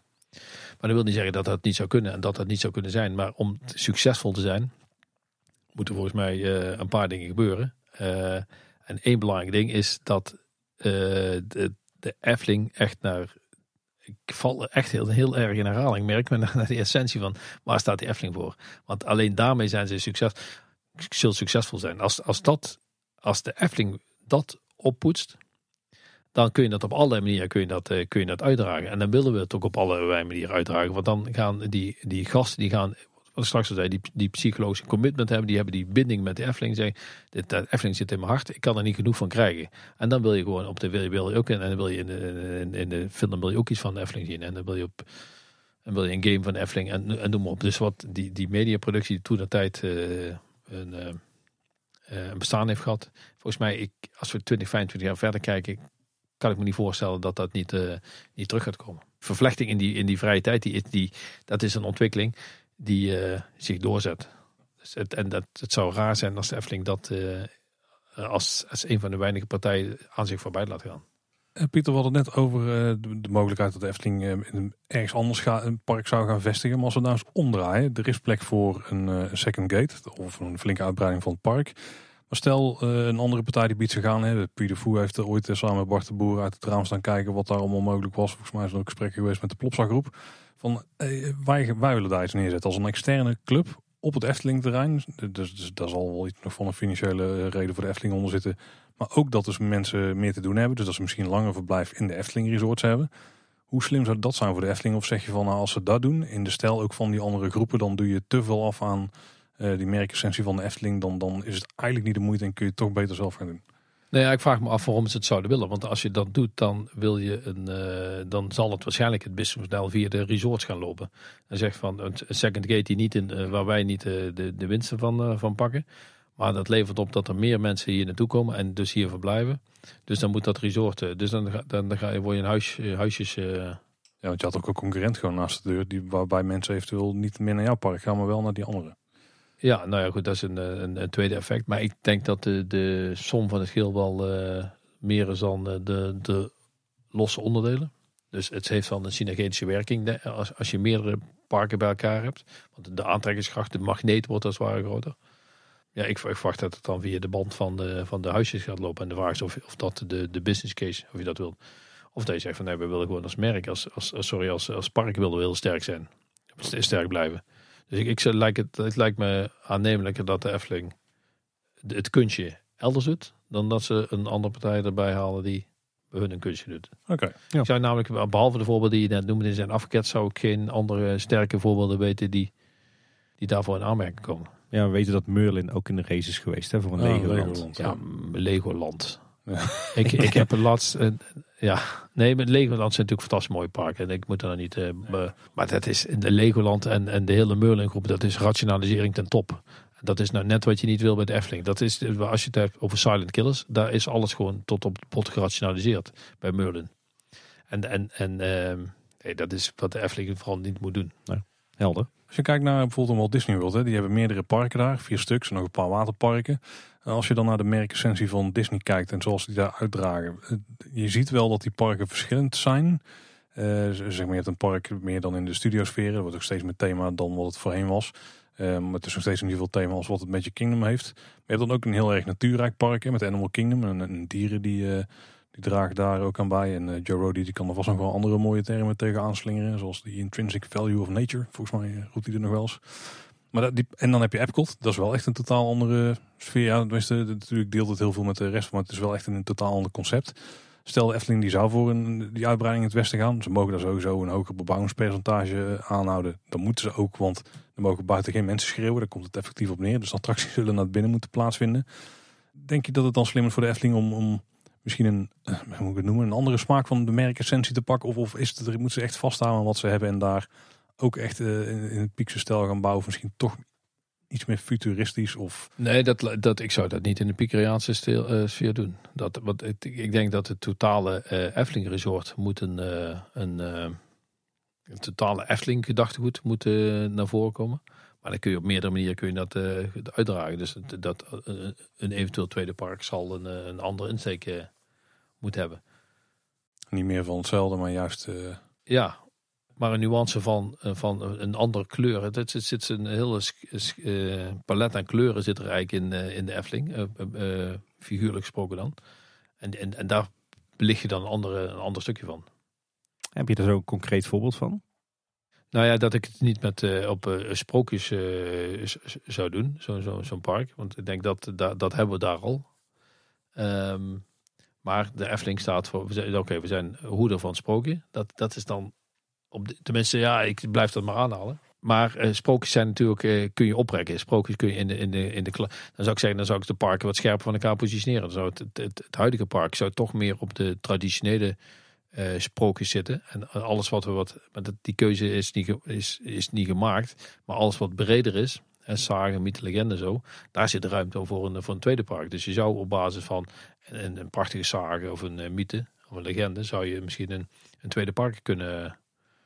En, dan kun je ook met IP denken en eh, Hobbits of weet ik veel wat. eh, wat- zeggen, daar zit ik toch een beetje in, de, in die Eftelingse sfeer. Ze moeten, wel, ze moeten wel een ander doelgroep aanspreken. Deels ook wel overlappen. Ze moeten wel ergens die eh, vanuit dezelfde eh merkgedachte elkaar aanvullen. Zonder te veel overlap te hebben. Dat, En, en gekscherend gedacht, eh, een uitrijk als eh, second gate. Dat moet er wel een enorm uitrijk zijn natuurlijk. Dus eh, restaurantjes, eh, winkels, eh, een theater, bioscoop, een zwembad. Ja, dat klinkt helemaal hartstikke leuk. Maar je, je zult bekijken in hoeverre daar in de, in de, Brabantse concurrentieomgeving interesse ruimte voor is. En wat dat betekent, want dat geeft wel een heel andere, een andere invulling. Ik weet niet of het bestemmingsplan daar helemaal op in toestaat. Ja, dat Dat- past. Daar zit een open nacht, eh, nachtverblijven, eh, nachtrecreatie en eh, het is toch een andere... Nee, andere dat kan, kan allemaal. Dat hebben ze slim aangepakt. Het zou het genoeg onderscheidend zijn dat het wel in de sprookjeswereld zit, maar dat het juist heel erg eh, stedelijk en, en of dorps voelt. Want dat moet daar dus blijkbaar. eh, in, in tegenstelling tot het heel natuurrijk, wat het, eh, het 11% te bebouwen park heeft. Ja, ja dat zou kunnen. Oké, ik ben ook heel benieuwd wat ze daar gaan doen. De komende Ja, 15, nee, ik 20 denk, jaar ik denk dat de. Efteling zelf ook niet, eh, nog niet zo scherp heeft. Nou, ja, ja. Hey Pieter, jij bent eh, de pretparkprofessor. Ja, haal maar dat nou een keer in. Hè? We, hadden, we hadden een disclaimer. Hè? Ja, precies. Hey, eh, wat zijn nou, want jij hebt daar denk ik van ons allemaal het, het beste beeld op. Wat, wat zijn nou een beetje de laatste eh, trends zeg maar, in de, de, de leisure business? En eh, heb jij het gevoel dat de Efteling daar ook in meegaat? Of blijven ze er nog een beetje op achter? De laatste trends. Nou ja, wat een van de belangrijke ontwikkelingen die al. eh, Trends, we, moeten altijd verschil maken tussen trends en hypes. Hè? En eh, we, ze zijn nog wel eens geneigd om een, eh, iets, een, een, trend te interpreteren als een hype. Van dat iets heel snel opkomt. En, maar het gaat over die langdurige ontwikkelingen die zich doorzetten. En dan denk ik, wat ik, wat ik sterk zie, is zaken als duurzaamheid. En die SDG's. Sustainable Development Goals. Die, en, en dan denk ik, ja, daar is Efteling mee bezig. Ja, ze- volop. Ja. volop en daar zijn ze heel lang mee bezig. Dat vind ik een hele fijne, goede ontwikkeling. Maar dat is een soort van, eh, ja, een need to have. Eh, Dat, dat, dat, dat- heb je gewoon nodig, anders doe je, doe je eigenlijk al niet meer mee. Ja, het is bijna moet je. We noemen dat een point of parity. Hè? Dat, je hebt dat gewoon nodig, anders doe je eigenlijk überhaupt niet meer mee in de, in de business. Nou, maar dat doen ze, dat doen ze heel goed. Ehm, dan zijn natuurlijk eh, demografische, economische, sociaal-culturele, technologische ontwikkelingen. Dus je kunt op al die niveaus kun je, eh, kun je kijken. Als je op macroniveau kijkt, die langdurige ontwikkelingen. Nou ja, het- wat- wij in onze branche vooral eh, zien is dat eh, immersive, het creëren van immersive worlds, waarbij de technologie een ondersteunende ro- rol vult en die een steeds beter ondersteunende rol kan vullen, dat dat heel sterk aan doorzetten is. Ja, daar is Efteling altijd heel goed in geweest. En dat, dat zit eigenlijk een beetje in het DNA van Efteling. Omdat, eh, om een, een wereld te creëren waar je ondergedompeld bent en eh, in een andere, eh, een sprookjesachtige wereld waar je de rest van de, van de, de ellende van de wereld vergeet. En, maar dat kan wel met, met, ja, met interessante nieuwe technologieën. Het, op het gebied van technologie is eigenlijk alles mogelijk en het gaat ook heel snel. Wat je straks al zei van een chip in je hoofd, ja, dat, ja, dat zou, het zou, het zou maar kunnen. En je kunt ook mensen die gewoon chip en ding hebben en die op die manier daarmee betalen. En dat soort ontwikkelingen, daar is, eh, die, die zijn volop gaande. Die vind ik, eh, voor een park is Efteling niet het meest interessante. Ik zou echt bij de Efteling denken van zorg dat, dat de manier waarop je dit invult, die, dit is op dat laatste, dat zijn die trends dat daarop meebewegen. Dat is met je merkthema's, met je levende concepten. Maar je zult moeten zorgen dat je op slapende ontwakende concept, dat, dat, dat, dat, dat why en de how, dat dat op orde is. En dat je daar je onderscheidend vermogen in eh, blijft vinden. Dat je, dat je alles doet om, om daar scherpte in te krijgen. Dus dat je, Echt uniek blijven. ja, nee, zeker. En, ehm, ja, kijk, uit demografisch denk ik dat de Efteling wel scherp is. Wat er demografisch gebeurt. Eh, en dat ze eh, de multiculturele samenleving aanspreken. Dat zie je ook in de commercials terugkomen. En ze zijn eh, op redelijk politiek correct be- bewegen zich. En dat is niet alleen naar de buitenwereld, maar het is ook omdat ze dat volgens mij vinden dat ze dat zo moeten doen. Dus daar sluiten ze mooi op aan. De belangrijkste andere ontwikkeling is eh, heel praktisch. Ja, we zien dat er van dagverblijf dat we naar meerdaagse dat resortontwikkeling, dat we die vervlechting van de, en die verdichting en die expansie van die vrije tijd, die zien we. Dat, eh, dat dingen steeds meer in elkaar hybride vormen zich eh, gaan voordoen. Daar is Efteling een beetje een terugtrekkende beweging aan het maken, zoals je zei. Dat, dit lijkt nu te, de, basis als park sterker te willen maken. En, en de rest een beetje. Het zijn beetje toch wel de open deuren. Eh, maar als je echt naar trends kijkt. Immersive worlds en storytelling. Even los van die trends, Pieter. eh, zijn er nou nog parken of parkgroepen waarvan jij zegt, daar kan de Efteling echt nog iets van leren? En wat is dat dan? Ja, ik, ik, ik denk dat... ehm, ik kom zelf ontzettend graag in Europa Park. Had, hadden we al een klein beetje gemerkt. Oh, sorry. ja. Nou ja, of Toverland. Of, nee, maar Europa Park is... wa- Wat ik daar merk als ik daar kom, dan er is altijd iemand van management, directieniveau, die blijkbaar weet dat ik daar kom. En die me goeiedag zegt. Er is altijd iemand die om, twee uur nog even in, in de bar komt eh, rondlopen van het eh, management en die even goeiedag zegt. Daar voel je je gewoon welkom, daar voel je je gezien. Ehm, bij de Efteling heb ik toch het idee dat om zes uur de deur op slot gaat. Het familiebedrijf versus eh, een organisatie Efteling, daar zou je het dan kunnen, kunnen toeschrijven. Maar ja, als je zegt van wat kunnen leren, ik denk ja, eh, dat, dat is wel iets. Dus dat, dat is toch, hoewel ze het beestschapvrije bedrijf van Nederland zijn geweest, denk ja, het, het park, het, het sluit gewoon om zes uur. Als ik daar, eh, en dat is bij Europa niet, dat, ik voel dat ik daar gewoon elk moment van de dag gezien word. En, eh, dus dat is wel één. En ondernemerschap is ook wel iets wat ik, wat ik zie bij- bij, die, bij die twee parken die ik net noemde, het Overland en, en dus die slagvaardigheid. Hè, en ook wel wat ik noemde die ambidexterity. Dat is wel iets wat eh, de Efteling volgens mij eh, zou kunnen leren. Af en toe wel een frustrerend voorbeeld Efteling. Hè, die doen gewoon heel veel dingen, doet, doet ze goed. Maar er zijn best wel in de nuances en er en der dingen te, te, te leren. Ik, eh, we kunnen wel al- altijd kijken naar een voorbeeld als de Disney Universal. Maar dat is de finale van de Champions League, zeg maar. En daar, daar, moet je, daar mag je best naar kijken. Maar daar is ook wel een heel ander speelveld. Dus daar moeten we ons niet te veel door laten leiden. En als je dan kijkt van wat van andere parken. Ja, dan zit je in die, die, die top 10 eh, van, eh, van, van Europa zo'n beetje. Dan denk ja, dan doet het Efteling het gewoon eh, op heel veel punten verdomd goed. Hey, en wat zou dan jouw advies zijn voor de Efteling, voor de toekomst? Ja, ik zou, een, ik zou eh, in ieder geval twee dingen. Ik zou, ehm, had ik het al over het merk Efteling gehad? Ja, zijdelings af. Zuidlinks. Maar daar zou ik dan echt. nee, ik zou, het, ik zou echt. Daar, daar maak ik me een klein beetje zorgen over. Ik heb het idee dat dat enigszins aan het verwateren is. En volgens mij komt dat door de organisatiestructuur. en eh, ik denk als wat ik straks al zei, als bijvoorbeeld, eh, oh, niet bijvoorbeeld, als een Sander, niet een, dat klinkt zo onaardig, maar als Sander gewoon daar eh 100% zeggenschap krijgt over het merk en, en dat wordt de hoeder van het merk de. Dat we veel slagvaardiger en dat we, dat we meer grip gaan krijgen op waar dat merk voor staat. En dat, en dat is wel uiteindelijk de basis waar volgens mij het merk, eh, of waar eh, eh, de Efteling mee verder moet. Daar ga ik dan toch e- even op door. Want heb je daar een concreet voorbeeld dat je zegt van nou daar zie je echt dat het, dat het merk verwatert juist door die organisatie? Nou ja, weet je, ik, ik, ja, ik, ehm, ik van Max en Moritz, daar heb ik, van, ja, daar heb ik iets, van gevonden. Eh, een Nest idem dito. Er zijn positieve dingen op te, over te, te melden. Maar als je het hebt over die, gelaagdheid van de merk. En volgens mij moet je daar echt naar kijken. Nog maar een keer toelichten. Een merk bestaat gewoon uit drie lagen. En dat is één punt. Dat is die, merk, die, die brandkernel. Dat moet gewoon onveranderlijk zijn. Dat moet de komende 25, 30 jaar moet dat je basis zijn. En dan op dat, eh, dat tweede niveau, merkthema's moet je daarop aan, of sorry, eh, merkstijl moet je daarop aansluiten. En die merkthema's zijn daar weer een, eh, met je productargument segment zijn daar een, een van. Dat moet allemaal keurig op elkaar aansluiten. Het begint bovenin. En dat, dat bovenin, als je dat te veel speelruimte geeft, dan, dan kun je zeggen, ja, maar dit past ook wel. Ja, als je, je met dit, met een breed perspectief naar kijkt, dan, dan past dat.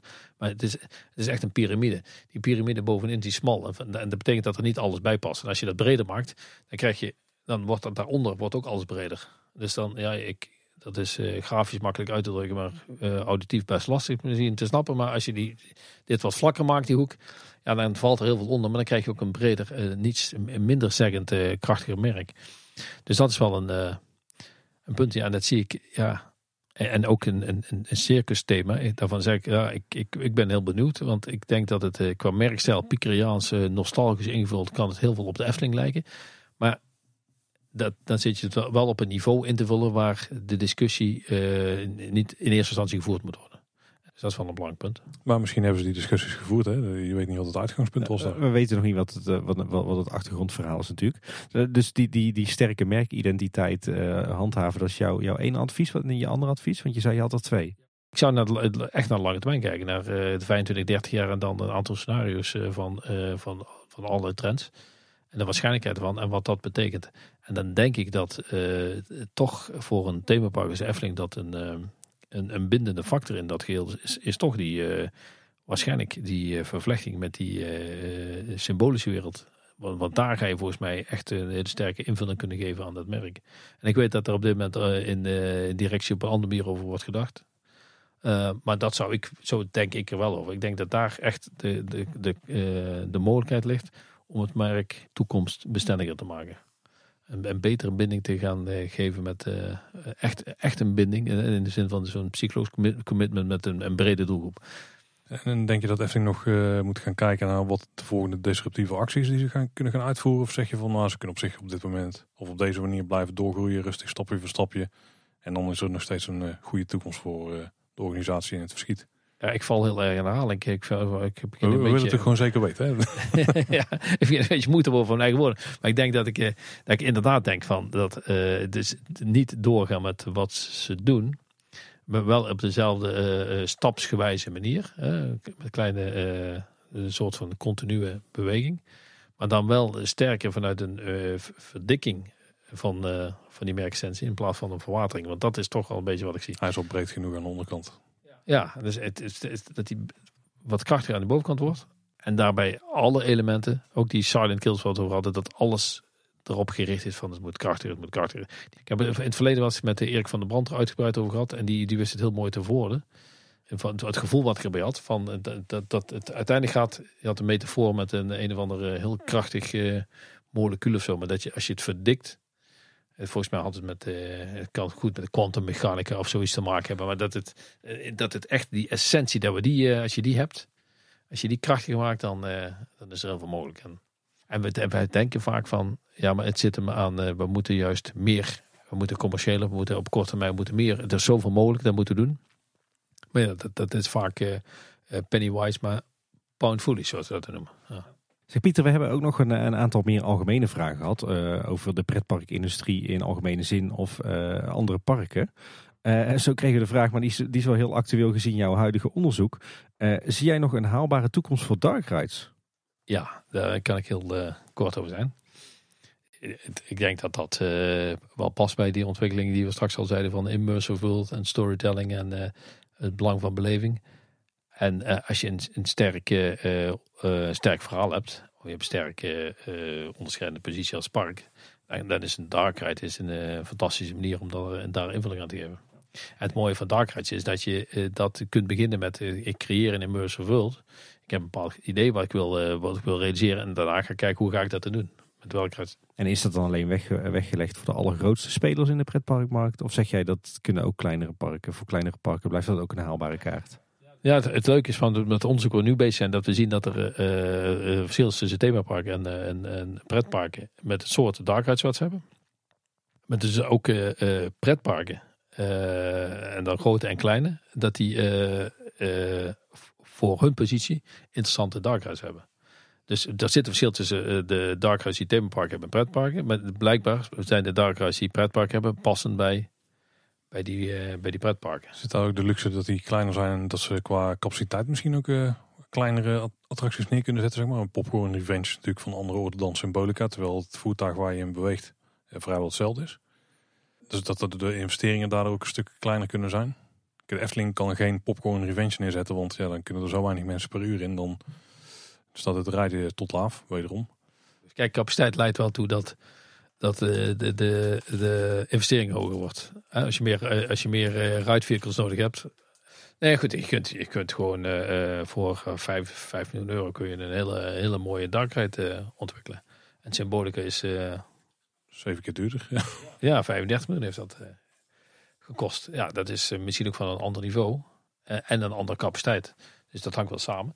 Ehm, gelijktijdig eh, moet je je afvragen of het, of het per se 35 miljoen moet kosten. Waar- gaan de kosten, waar, waar gaat het in zitten? Daar weten we nog goed te weinig van in de, in de van Dark. Wat nou het effect is van een Dark. Wat, wat bepaalt nou de, wat zijn de succesfactoren van een Dark? Wat leidt nou tot de beleving die we nastreven? Dus waar moet ik mijn geld in investeren? Is dat in de muziek? Misschien is wel voor een heel groot gedeelte is dat de muziek. Ik hoor heel veel mensen zeggen, ja, die muziek is zo fantastisch. Ja, en die sleep je mee. René heeft het graag. Misschien moeten we hier niet al te lang over doorgaan. Want ik denk dat we dan heel veel gras voor de voeten gaan wegmaaien. Voor, Ja. eh, als we dit een keer eh, gaan uitdiepen naar jullie onderzoek. Ik kijk inderdaad erg uit naar de resultaten van, eh, van jullie eh, onderzoek. Laten we afspreken dat we dus ergens in de toekomst, eh, Pieter, nog een keer met jou eh, om tafel gaan om het eh, over jullie onderzoek naar Dark Rides te hebben. Ja, leuk. Daar moeten we Wim en eh, Philip er ook even bij hebben. Maar dan kunnen we er gezellig over doorkletsen. Goed plan. Hey, we kregen nog een, eh, mailtje van Kevin Kramer. Eh, die vroeg zich af, hoe zie jij de toekomst voor Toverland? Eh, oftewel, waar staat Toverland in 2030? En 2030 dat is best snel, hè? want we zitten al eh 2021. Dus dan ben je tien jaar verder. Het stemmingsplan van Efteling heeft ook eh, een jaar of vier, vijf geduurd. Tim. Dus Ja, nou ja, ik, eh, ik- het bestemmingsplan van Toverland, dat koerst op 2046 volgens mij, als ik het goed heb gelezen. Ja, ja, maar precies. voordat het goedgekeurd zou kunnen zijn, zouden we ook weer vier, vijf jaar verder kunnen zijn. Nou, eh, laten we blijven bij de mail van Kevin. Eh, waar staat Ja. Toverland in 2030? Nee, nee, precies. Maar 2030 is eh, relatief eh, is, eh, snel. Dat is over tien jaar. Dus je, je moet daar geen eh, mega grote ontwikkelingen zien. Want als je gewoon reëel bent en eh, je kijkt hoe de eh, Toverland de afgelopen jaren heeft geïnvesteerd, dan is dat met gigantische bedragen en gigantische sprongen. Maar als je dan nou nog eens een keer of drie doet, dan heb je echt eh, waanzinnig veel gedaan. Nou, dan is dat park ook echt weer een aantal stappen groter. Maar dan zijn die 125 hectare zijn nog niet volgebouwd. Nee. Dus dat moeten, we, dat, dat moeten we ons realiseren. Maar ik, ik denk Toverland. Ja, Toverland is echt. Ik denk, eerlijk gezegd, in 2013, eh, dan mag ik bij. Ja, dat. Ik zit hier bij eh, allemaal fans van eh, de Efteling. Hè? Nee, maar wij, zijn, wij hebben een heel breed vizier. Wij houden ook van alle andere pret- en Ja, maar ik hoorde ellende weer overheen komen van mensen die. maar ik denk dat Toverland een minimaal niveau van Efteling is, heeft qua beleving. En ik denk zelfs dat het nog wel eens. De, ja, het- ja, hoe verwoord ik dat op een.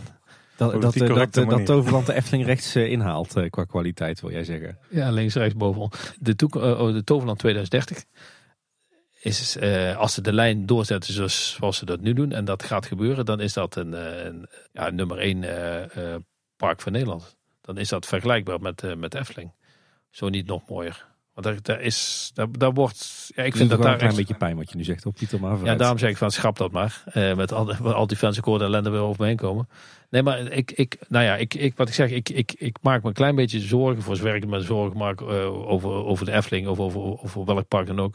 Vanuit de, de merkverwatering. Nou, en, en, en dat is nou net iets wat bij Toverland gewoon heel scherp eh, wordt bewaakt.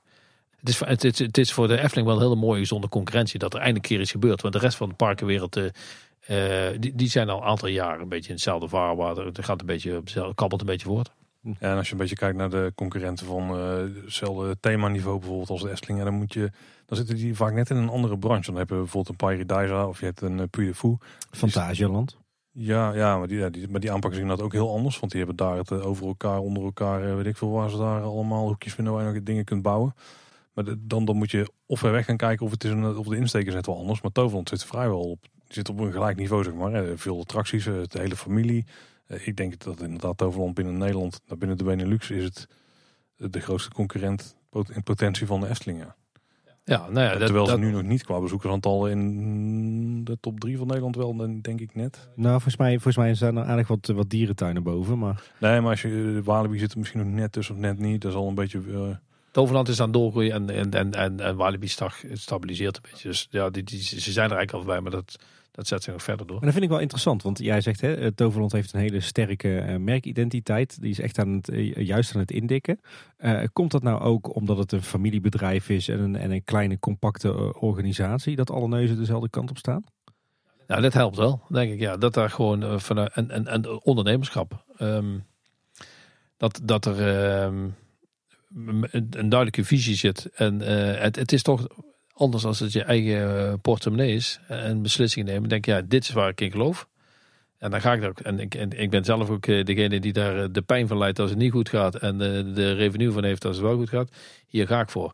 En bij de Efteling moet dat over, uh, toch over meerdere schijven. Dat is gewoon omdat die organisatie zit een stichting bij erboven. En nou ja, dat, dat, gaat gewoon een stuk lastiger. Dat, dat is geen, niet echt direct een verwijt naar de, naar de Efteling. Maar dat is hoe het bij de Efteling is.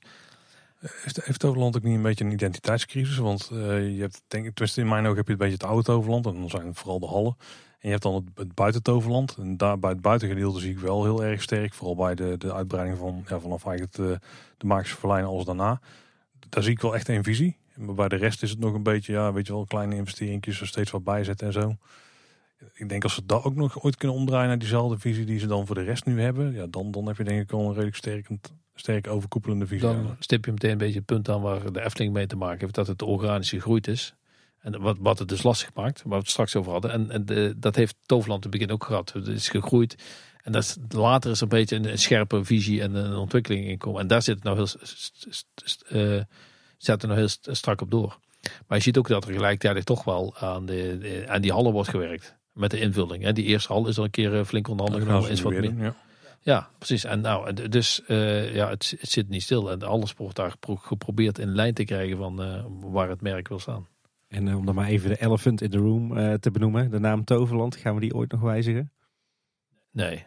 Nou ja, een beetje, ik zeg nee, maar ik heb er niks over te zeggen. ik denk dat het ook te laat voor is. Nee, maar ik, kan het nog? Is het nog verstandig? Nou, die, die, dat, gesprek wordt, uh, was een paar keer uh, gevoerd. En um, ik denk dat op dit moment de algemene opvatting is dat het niet meer gebeurt. Dat er... Volgens mij is ook een beetje aan het sleutelen aan Toos. Die wordt ook wat meer aantrekkelijker voor alle leeftijden. Klinkt heel uh, raar. Ja, dat klinkt dubieus, sorry. Uh, het is al laat. maar de uitstraling en het character zelf, zeg maar. Maar, maar ik, ik ken Toverland al heel lang. Ik kom er ook al vanaf het begin. Voor mijn gevoel was het in, in den beginnen vooral een, een, een indoor themapark voor ouders met jonge kinderen. En zitten we nu aan een all-weather themapark voor de hele familie. Heb ik, geef ik die transitie dan goed weer?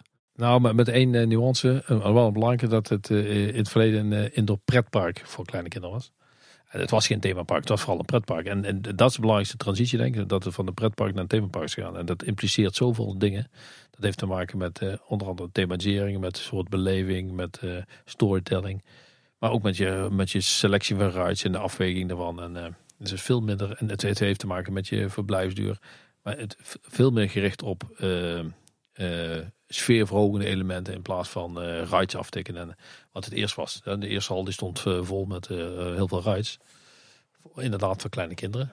En, en nou is het gewoon het hele park. Is, je, je kunt daar gewoon, net zoals bij de Efteling, een hele lange dag verblijven. 6 tot 7 uur. Afhankelijk van de doelgroep. Hè. Je, merkt nou dat een bepaalde doelgroep nog de verblijfsuur wat korter is. Hè. De, tieners die denken, ja, ik, ik heb hier 5, 6 rides. Dan kan ik een beetje rondhangen. Maar dan, dan heb ik het wel gehad.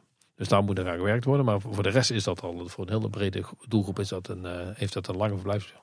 Ja, wij uh, verblijven, of wij hebben allebei uh, dit jaar op de Toverland camping verbleven. Dus meerdere dagen in, achter elkaar. Dat zegt ook al wat over de verblijfsduur. Ja, precies. En hoe was dat? Dat was heel goed, ja. Heel goed bevallen. En ik weet het nog niet, want op het moment van opname ben ik er eh, nog niet geweest. Op het moment dat deze podcast uitkomt, dan wel. Het is ook gewoon een luxe dat je het dan in een rustiger tempo kunt doen. En dus ongeacht het pretpark denk ik een, uh, een fijn uitgangspunt. En dan, dan kun je gewoon meer de speeltuintjes afgaan en de kleinere attracties nog een keer extra doen. En kijk, dat is, dat is, die luxe heb je dan.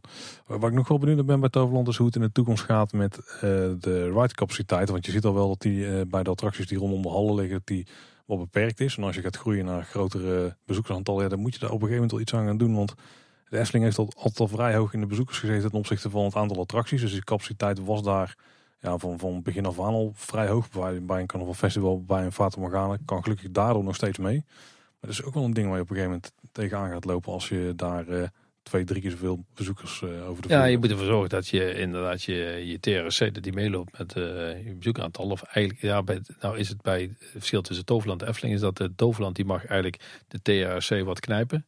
Want die zit nogal hoog in zijn capaciteit. Want je geeft al aan, bij, rondom de hallen is het weinig. Maar ja, het was ook omdat de hallen dicht waren toen wij er waren dan. Oh ja, precies. Ja, nee, maar in, in principe, het Toverland heeft namelijk heel, hele hoge capaciteit. Uh, waardoor ze eigenlijk uh, mensen te snel het park uit, uitjagen. Omdat je, als je weinig wachttijd hebt, dan, ja, dan ben je vrij snel door het park. Dus dat zou zonde zijn. Eh, want daar is de gast ook niet mee gediend. De gast wil gewoon, die eh, had zich bedacht om een hele dag lekker in het park te zijn. En dat kan ook. Dus zoals nu en dit kun je ook door middel van aanvullend entertainment en leuke, dat is een Katara showtje en weet je wel. Op die manier kun je de verblijfsuur verlengen. De Efteling is juist de capaciteit relatief beperkt. Efteling heeft relatief gezien een vrij beperkte capaciteit. Als je daar kijkt naar TRC, die ligt ongeveer rond de 30.000 of zo. Dat is de, de, de, de. Hè? Als je dan kijkt uh, naar, naar, uh, een, naar de, met name de drukke dagen, dan is dat, is dat veel te weinig capaciteit. En zelfs als je op basis van de design day gaat kijken, dan zou de Efteling nog wat capaciteit bij mogen hebben. Ik denk dat 10, 15 procent bij de Efteling aan, aan capaciteit, extra capaciteit, dat het eigenlijk reëel is om op het niveau te zitten dat de, de verhouding goed is tussen bezoekers en de, de capaciteit. Dus daar kan natuurlijk ook het interessant zijn om dan iets duurder te maken, waardoor je het aantal bezoekers iets terugdringt. Of dus te stoppen met die acties, waardoor je die capaciteit misschien niet nodig hebt, maar wel die ervaring kunt bieden die je wil bieden. Ja. Hey, eh, Pieter, nog even uh, de pretparkwereld in het algemeen. Er zijn een aantal heikele kwesties. Ik ben ook wel benieuwd hoe jij daar tegenaan uh, aan kijkt. er is heel erg een discussie momenteel tussen moet je nou IP-based bouwen of juist non-IP-based. Oftewel intellectual property, oftewel intellectueel eigendom. Met andere woorden, je ziet dat de Disney en de Universal parken eigenlijk alleen nog maar attracties bouwen gebaseerd op, op hun films, op bestaande IP. Is dat nou een, een goede ontwikkeling? Of zeg jij nee, er moet ook ruimte zijn voor die, die non-IP-based attracties. Dus voor die attracties waar uh, echt een apart verhaal voor wordt verzonnen. Ja, ik denk dat dat laatste zonder meer. Uh, maar dit, dit vraag moet je, wil je dat ik dat beantwoord in de context van, van Disney? Wat nou alles uh, een Marvel saus en zo aan het geven is? Of meer in de, in een brede context voor andere parken? Ik denk dat Disney wel heel interessant is om daarnaar te kijken. Omdat Disney, die, die heeft die IP van zichzelf en Universal ook. En die kiezen er nu voor om daar bijna alles mee te doen. Terwijl, ja, dat hoeft niet. Je ziet ook dat ze in Hongkong, en dat is het ongeveer de laatste keer dat ze het hebben gedaan. Misschien in Tokyo, Disney Sea nog iets. Nou, in Shanghai ook nog wel, eh, volgens mij. Ja, in Shanghai klopt trouwens. Ja. Dus ze doen het nog wel, ja. Maar je hoort, je hoort uh, Bob JPEG altijd zeggen van, uh, overal gaan we IP inrammen. Totdat je er helemaal ziek van wordt. Nou ja, ziek van wordt. de, de, vraag is of we er echt zo ziek van worden. Um, ja, wij, wij als, als, als, als kenners, experts die heel veel parken zien en zo die, die, die kijken daar een beetje genuanceerd naar. Maar als je vanuit de gastbeleving kijkt, denk je, ja, ik heb, uh, ik heb gewoon uh, Marvel, vind ik fantastische content. Ik heb alle films heb ik gezien. En dan kom ik in het park en dan kan ik gewoon ook in de echt kan ik ook nog uh, dat beleven. Dus dat, dat is wel de kracht van, van de IP natuurlijk. Um, alleen wij zeggen, ja, het wordt, wordt zo'n zo bijna een soort een, een kuntje, een eenheidsworst. We hebben alles, ja, doet er maar een IP-sausje over en en dat stoort ons een beetje als, eh, als de kenners van, uh, van de branche.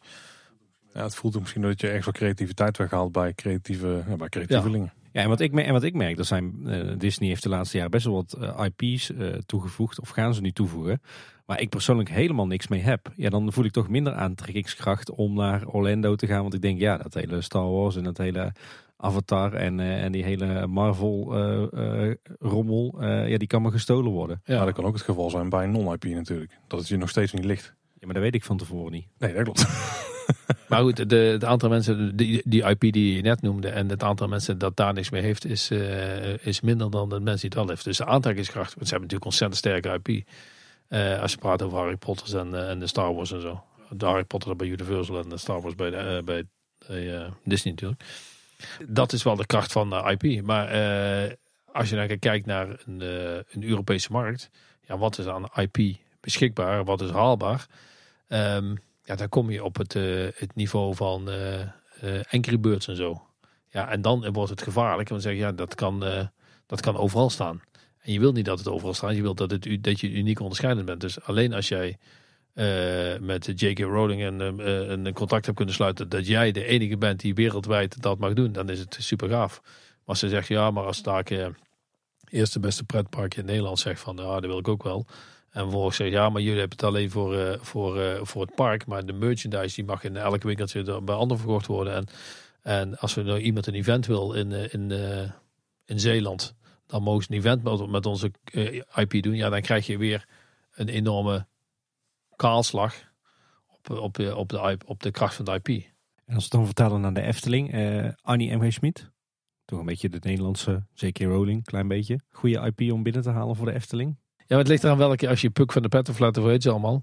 Je zult moeten kijken wat ze dan, eh, wat ze dan precies eh, heeft, wat er bij de Efteling zou passen. Ja, maar dan ga je bijna iets wat iemand die een naam heeft, heeft gemaakt, zoeken bij de Efteling om maar die naam dan erbij te kunnen pakken. Ja, nou ja, de, de vraag is wat- wat er aan de IP hier eh, echt beschikbaar is. En eh, bedoel, toen de tijd was Tita Tovenaar, want daar was zoiets van, nou ja, dat zou, dat zou nog kunnen. Weet je, als er Ja. een musical meekomen. En, dat is, dat is oud-Hollands, dat is eh, vroeger, nostalgie. En dan wordt er een link gelegd, Efteling is nostalgie, is ook oud-Hollands hebben we wel iets mee. En ja, dat is allemaal waar, dat klopt wel. Maar het zit niet strak op die merkessentie, wat je net zei. Het is niet oud-Hollands genoeg. Nee, het, ja, en dit is niet. Het is, het is sprookjesachtig, magisch. eh, nou ja, hoe, hoe, hoe het precies willen definiëren, genoeg. Hey, en eh, schermenattracties. Ja, daar zijn er hele mooie van. En er zijn er ook eh, van waarvan ik denk, ja, die kun je overal neerzetten. Die kun je inruilen. Ik denk dat ik het antwoord hierbij kan geven. Als het niet bijdraagt aan de merkessentie, hoef je het gewoon niet te doen. Ja, ik, ja, of niet? ja, ja, nou weet je, dan, eh, dan geef ik even een iets ander antwoord dan Paul eh, van mij verwacht. eh en nou drie uur eh, hierover praten. Nee, ik denk dat eh, ehm, schermen kun je, ja, die kun je overal tegenkomen. Dat is hetzelfde als met, die, met zo'n 3D-bril. Dat is nu nog even leuk. Het gaat er met name om, om de, beleving die ik in, in een fysieke wereld kan, kan beleven.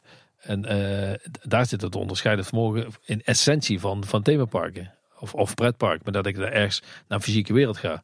En dat scherm, wat daar, dat, daar, daar, kan ik ook vanuit mijn luie stoel kan ik dat eh, vaak doen. Het, het moet echt wel een toegevoegde waarde hebben voor de branche als zodanig. En, die branche staat er, ja, dat gaat over die, dat fysieke. Ik heb het de keer uitgelegd met die, eh, die, die as van dat vervlechtingsmodel van Mommas. Die zegt van, je hebt een...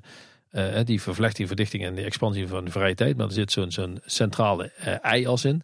Dat is enerzijds eh, toerisme en anderzijds is de media. En de toerisme brengt de mensen naar eh, de, de attractie toe. En de media brengt de content naar de mensen toe. Dus net, andersom. En in de Vista Attractions gaat het erom dat eh, mensen daar naartoe gaan. Dat, dat is centraal. Ja, media, screens en zo. Als, ja, die kan ik overal. Dus het gaat er vooral om hoe ik met die screens omga. In hoeverre het onderscheidend genoeg is en interessant genoeg is om in een themapark aan te bieden. Dus dat, dat zou ik daar wel over mee eh, over eh, eh, willen zeggen. En da- daarnaast, ja, ik persoonlijk ben ik wel voorstander. Vind, vind ik het wel heel prettig als er ook gewoon fysieke decors en zo in een attractie zijn. Dus ik vind eh, Harry Potter. Het mooie daarvan vind ik dat je enerzijds media based, maar anderzijds ook gewoon decors en het, dit, Special effects, ja. nou, die combinatie hebt. Ah, Flight of Passage is een van jouw favoriete attracties, denk ik. Ja, maar dat, dat klopt. Ja. Maar dat komt ook wel omdat eh, dat, dat is ook wel op een schaal die heb ik thuis niet eh voor me. Ja, je zit dan ook op zo'n zo'n benchy, virtueel, ook allemaal ook mooi ingebed in het verhaal Ja. natuurlijk. Dus ja. Nou ja, maar het, het is, ik- het is een, een eh, apotheose waar het, het- je bent daar, je, zit, je, je komt in die omgeving, kom je eraan in Pandora. Daar kom je in die wachtrij. Je kijkt werkelijk je ogen uit. En, en waar, je ook, en, waar je ook kijkt en al je zintuigen, je wordt zo in dat verhaal getrokken. En dan word je aangesloten op zijn benchje. En dat is een heel, eh, heel, een, hele gebeurtenis. En dan zit je daar en dan gaat dat beest en, eh, gaat, gaat vliegen met een mega, mega scherm. En dan komt hij in de grot en dan voel je hem zo ademhalen tussen je benen. Nou, dat, die, zit echt gewoon heel in die film. Op een manier die, ik- die ik thuis niet heb als ik naar mijn eh breedbeeld zit te kijken. Dus En dan hebben we nog wel een, een trend waar ze vooral bij Europa Park heel erg op in lijken te zetten. En dat is eh, bijvoorbeeld virtual reality en augmented reality. Eh, zie jij daar nog een, zie jij daar iets in in de toekomst van pretparken? Voor mijn gevoel is het namelijk heel erg hetzelfde 3D-trucje. ja, Ja. dan moet ik uitkijken dat ik niet de Valentijn van eh, de pretparken word. Die Valentijn ja, van de Telegraaf Sport. Ik heb ook niks met sport, Pieter, nou, dus het zegt mij helemaal niets. Ja, die had, die had een keer bij de Europa Cup over een gast die... ja, jongen, die kun je, die kun je gewoon eh, nog voor een blinde keeper een bal geven. Die scoort nooit. Die scoorde in die wedstrijd scoorde drie keer. En die, daardoor- dus die, die moest even door het slijken de volgende dag. En, maar ehm, nee, ik vind namelijk, ik heb er een vrij uitgesproken eh, mening over. Dat ik het idee heb dat dat eh, niet van langdurig toegevoegde waarde is. Met name niet eh, eh, virtual reality. Ehm, je bent dus hier afgesloten van, eh, van, van je gezelschap. En je, gaat zelden naar een themapark in, in je eentje. En eh, als je dat ja, en, en een groot gedeelte van die belevingen kun je ook gewoon op een andere manier doen. Die kun je ook thuis doen. Dus ik, zie- ik zie de toegevoegde waarde voor, eh, voor parken niet zo. Nou, daar, daar kan ik ook wel in, eh, in vinden. Dan Pieter, dan eh, hebben we toch een heel eind van onze vragen kunnen, kunnen stellen. Ik eh, denk dat onze luisteraars weer een stuk wijzer zijn geworden. Ja, we hebben toch weer een lesje pretparkkunde gehad, hè? Van de pretparkprofessor. Laten we het maar gewoon nog een keer benadrukken. Hè? Met een disclaimer. Ja, ja, met dat is een waar. disclaimer, ja. Pieter, kunnen de luisteraars nog eh, dingen van jou online vinden? Misschien de plekken waar jouw onderzoek uiteindelijk gepubliceerd gaat worden, of is dat nog allemaal onbekend? Nee, ja, het is onbe- onbekend. Want de, de, de artikels die we nu aan het schrijven zijn, die eh, liggen eh, voor review bij journals. Ik, ik ben social, eh, social-wise ook niet zo eh, actief. Komt er iets op LinkedIn te staan? Of... Ja, oh, ik heb LinkedIn, dat klopt. Ja, daar, daar zet ik wel af en toe een keer iets pretpark gerelateerds op. Dus Dat is misschien de plek om jou dan eh, te volgen. Er zal ook wel een publicatie eh langskomen. die komt er eh, ook eh, langs, ja. Ja, en ik denk ook dat wij, wij ook in onze nieuwsafleveringen het anders wel zullen benoemen, toch? De- die kans zit er wel dik in, ja. Hey, en, en wil je nou meer weten over Pieter Cornelis en eh, al het werk wat hij doet en gedaan heeft in de pretparkwereld, dan moet je dus echt even aflevering 203 van Kleine Boodschap luisteren. Ja, zeker. Heb je nou vragen voor ons? Dan kun je die bijvoorbeeld stellen via social media. Eh, op Twitter zijn we @kboodschap. En op Facebook en Instagram zijn we Kleine Boodschap. Kleineboodschap.com, dat is onze website. Daar vind je alle afleveringen. Daar vind je ook de show notes. Daar zijn linkjes naar alle relevante dingen die we hebben besproken. We zullen ook eh, deze aflevering weer een paar zaken inzetten. En dan vind je natuurlijk ook eh, gewoon een playertje om iedere aflevering te luisteren. Alle bijna 250 afleveringen onderhand al tegen die tijd. We gaan eh, flink die kant op, ja. Ons contactformuliertje vind je er overigens ook. En je kunt ook gewoon mailen naar info.kleineboodschap.com. Ja, en Kleine Boodschap luister je bijvoorbeeld op onze website, in Spotify of in een van de vele podcast apps. En eh, vergeet je zeker niet te abonneren. En wat we ook altijd erg kunnen waarderen is als je nou denkt van dit is interessant. En eh, zeker misschien dit eh, meer academisch onderwerpen. Wat we af en toe met flinke disclaimers hebben besproken. tip het eens aan een, een vriend of een bekende waarvan je denkt die kan het wel interessant vinden. Ja, en Pieter, dan rest ons niks anders dan jou ontzettend te bedanken. Wederom voor jouw aanwezigheid, al jouw interessante inzichten. En ja, laten we nogmaals de afspraak maar bevestigen dat wij jou hier terug gaan zien zodra je onderzoek naar Dark Rides is afgerond. Ja, heel graag gedaan. Ik vond het weer eh, erg gezellig en eh interessant, eh interessant discussiemateriaal. Dankjewel. Luisteraars, dat was hem weer voor deze keer. Bedankt voor het luisteren. Tot de volgende keer. En houdoe. Houdoe waar. Houdoe.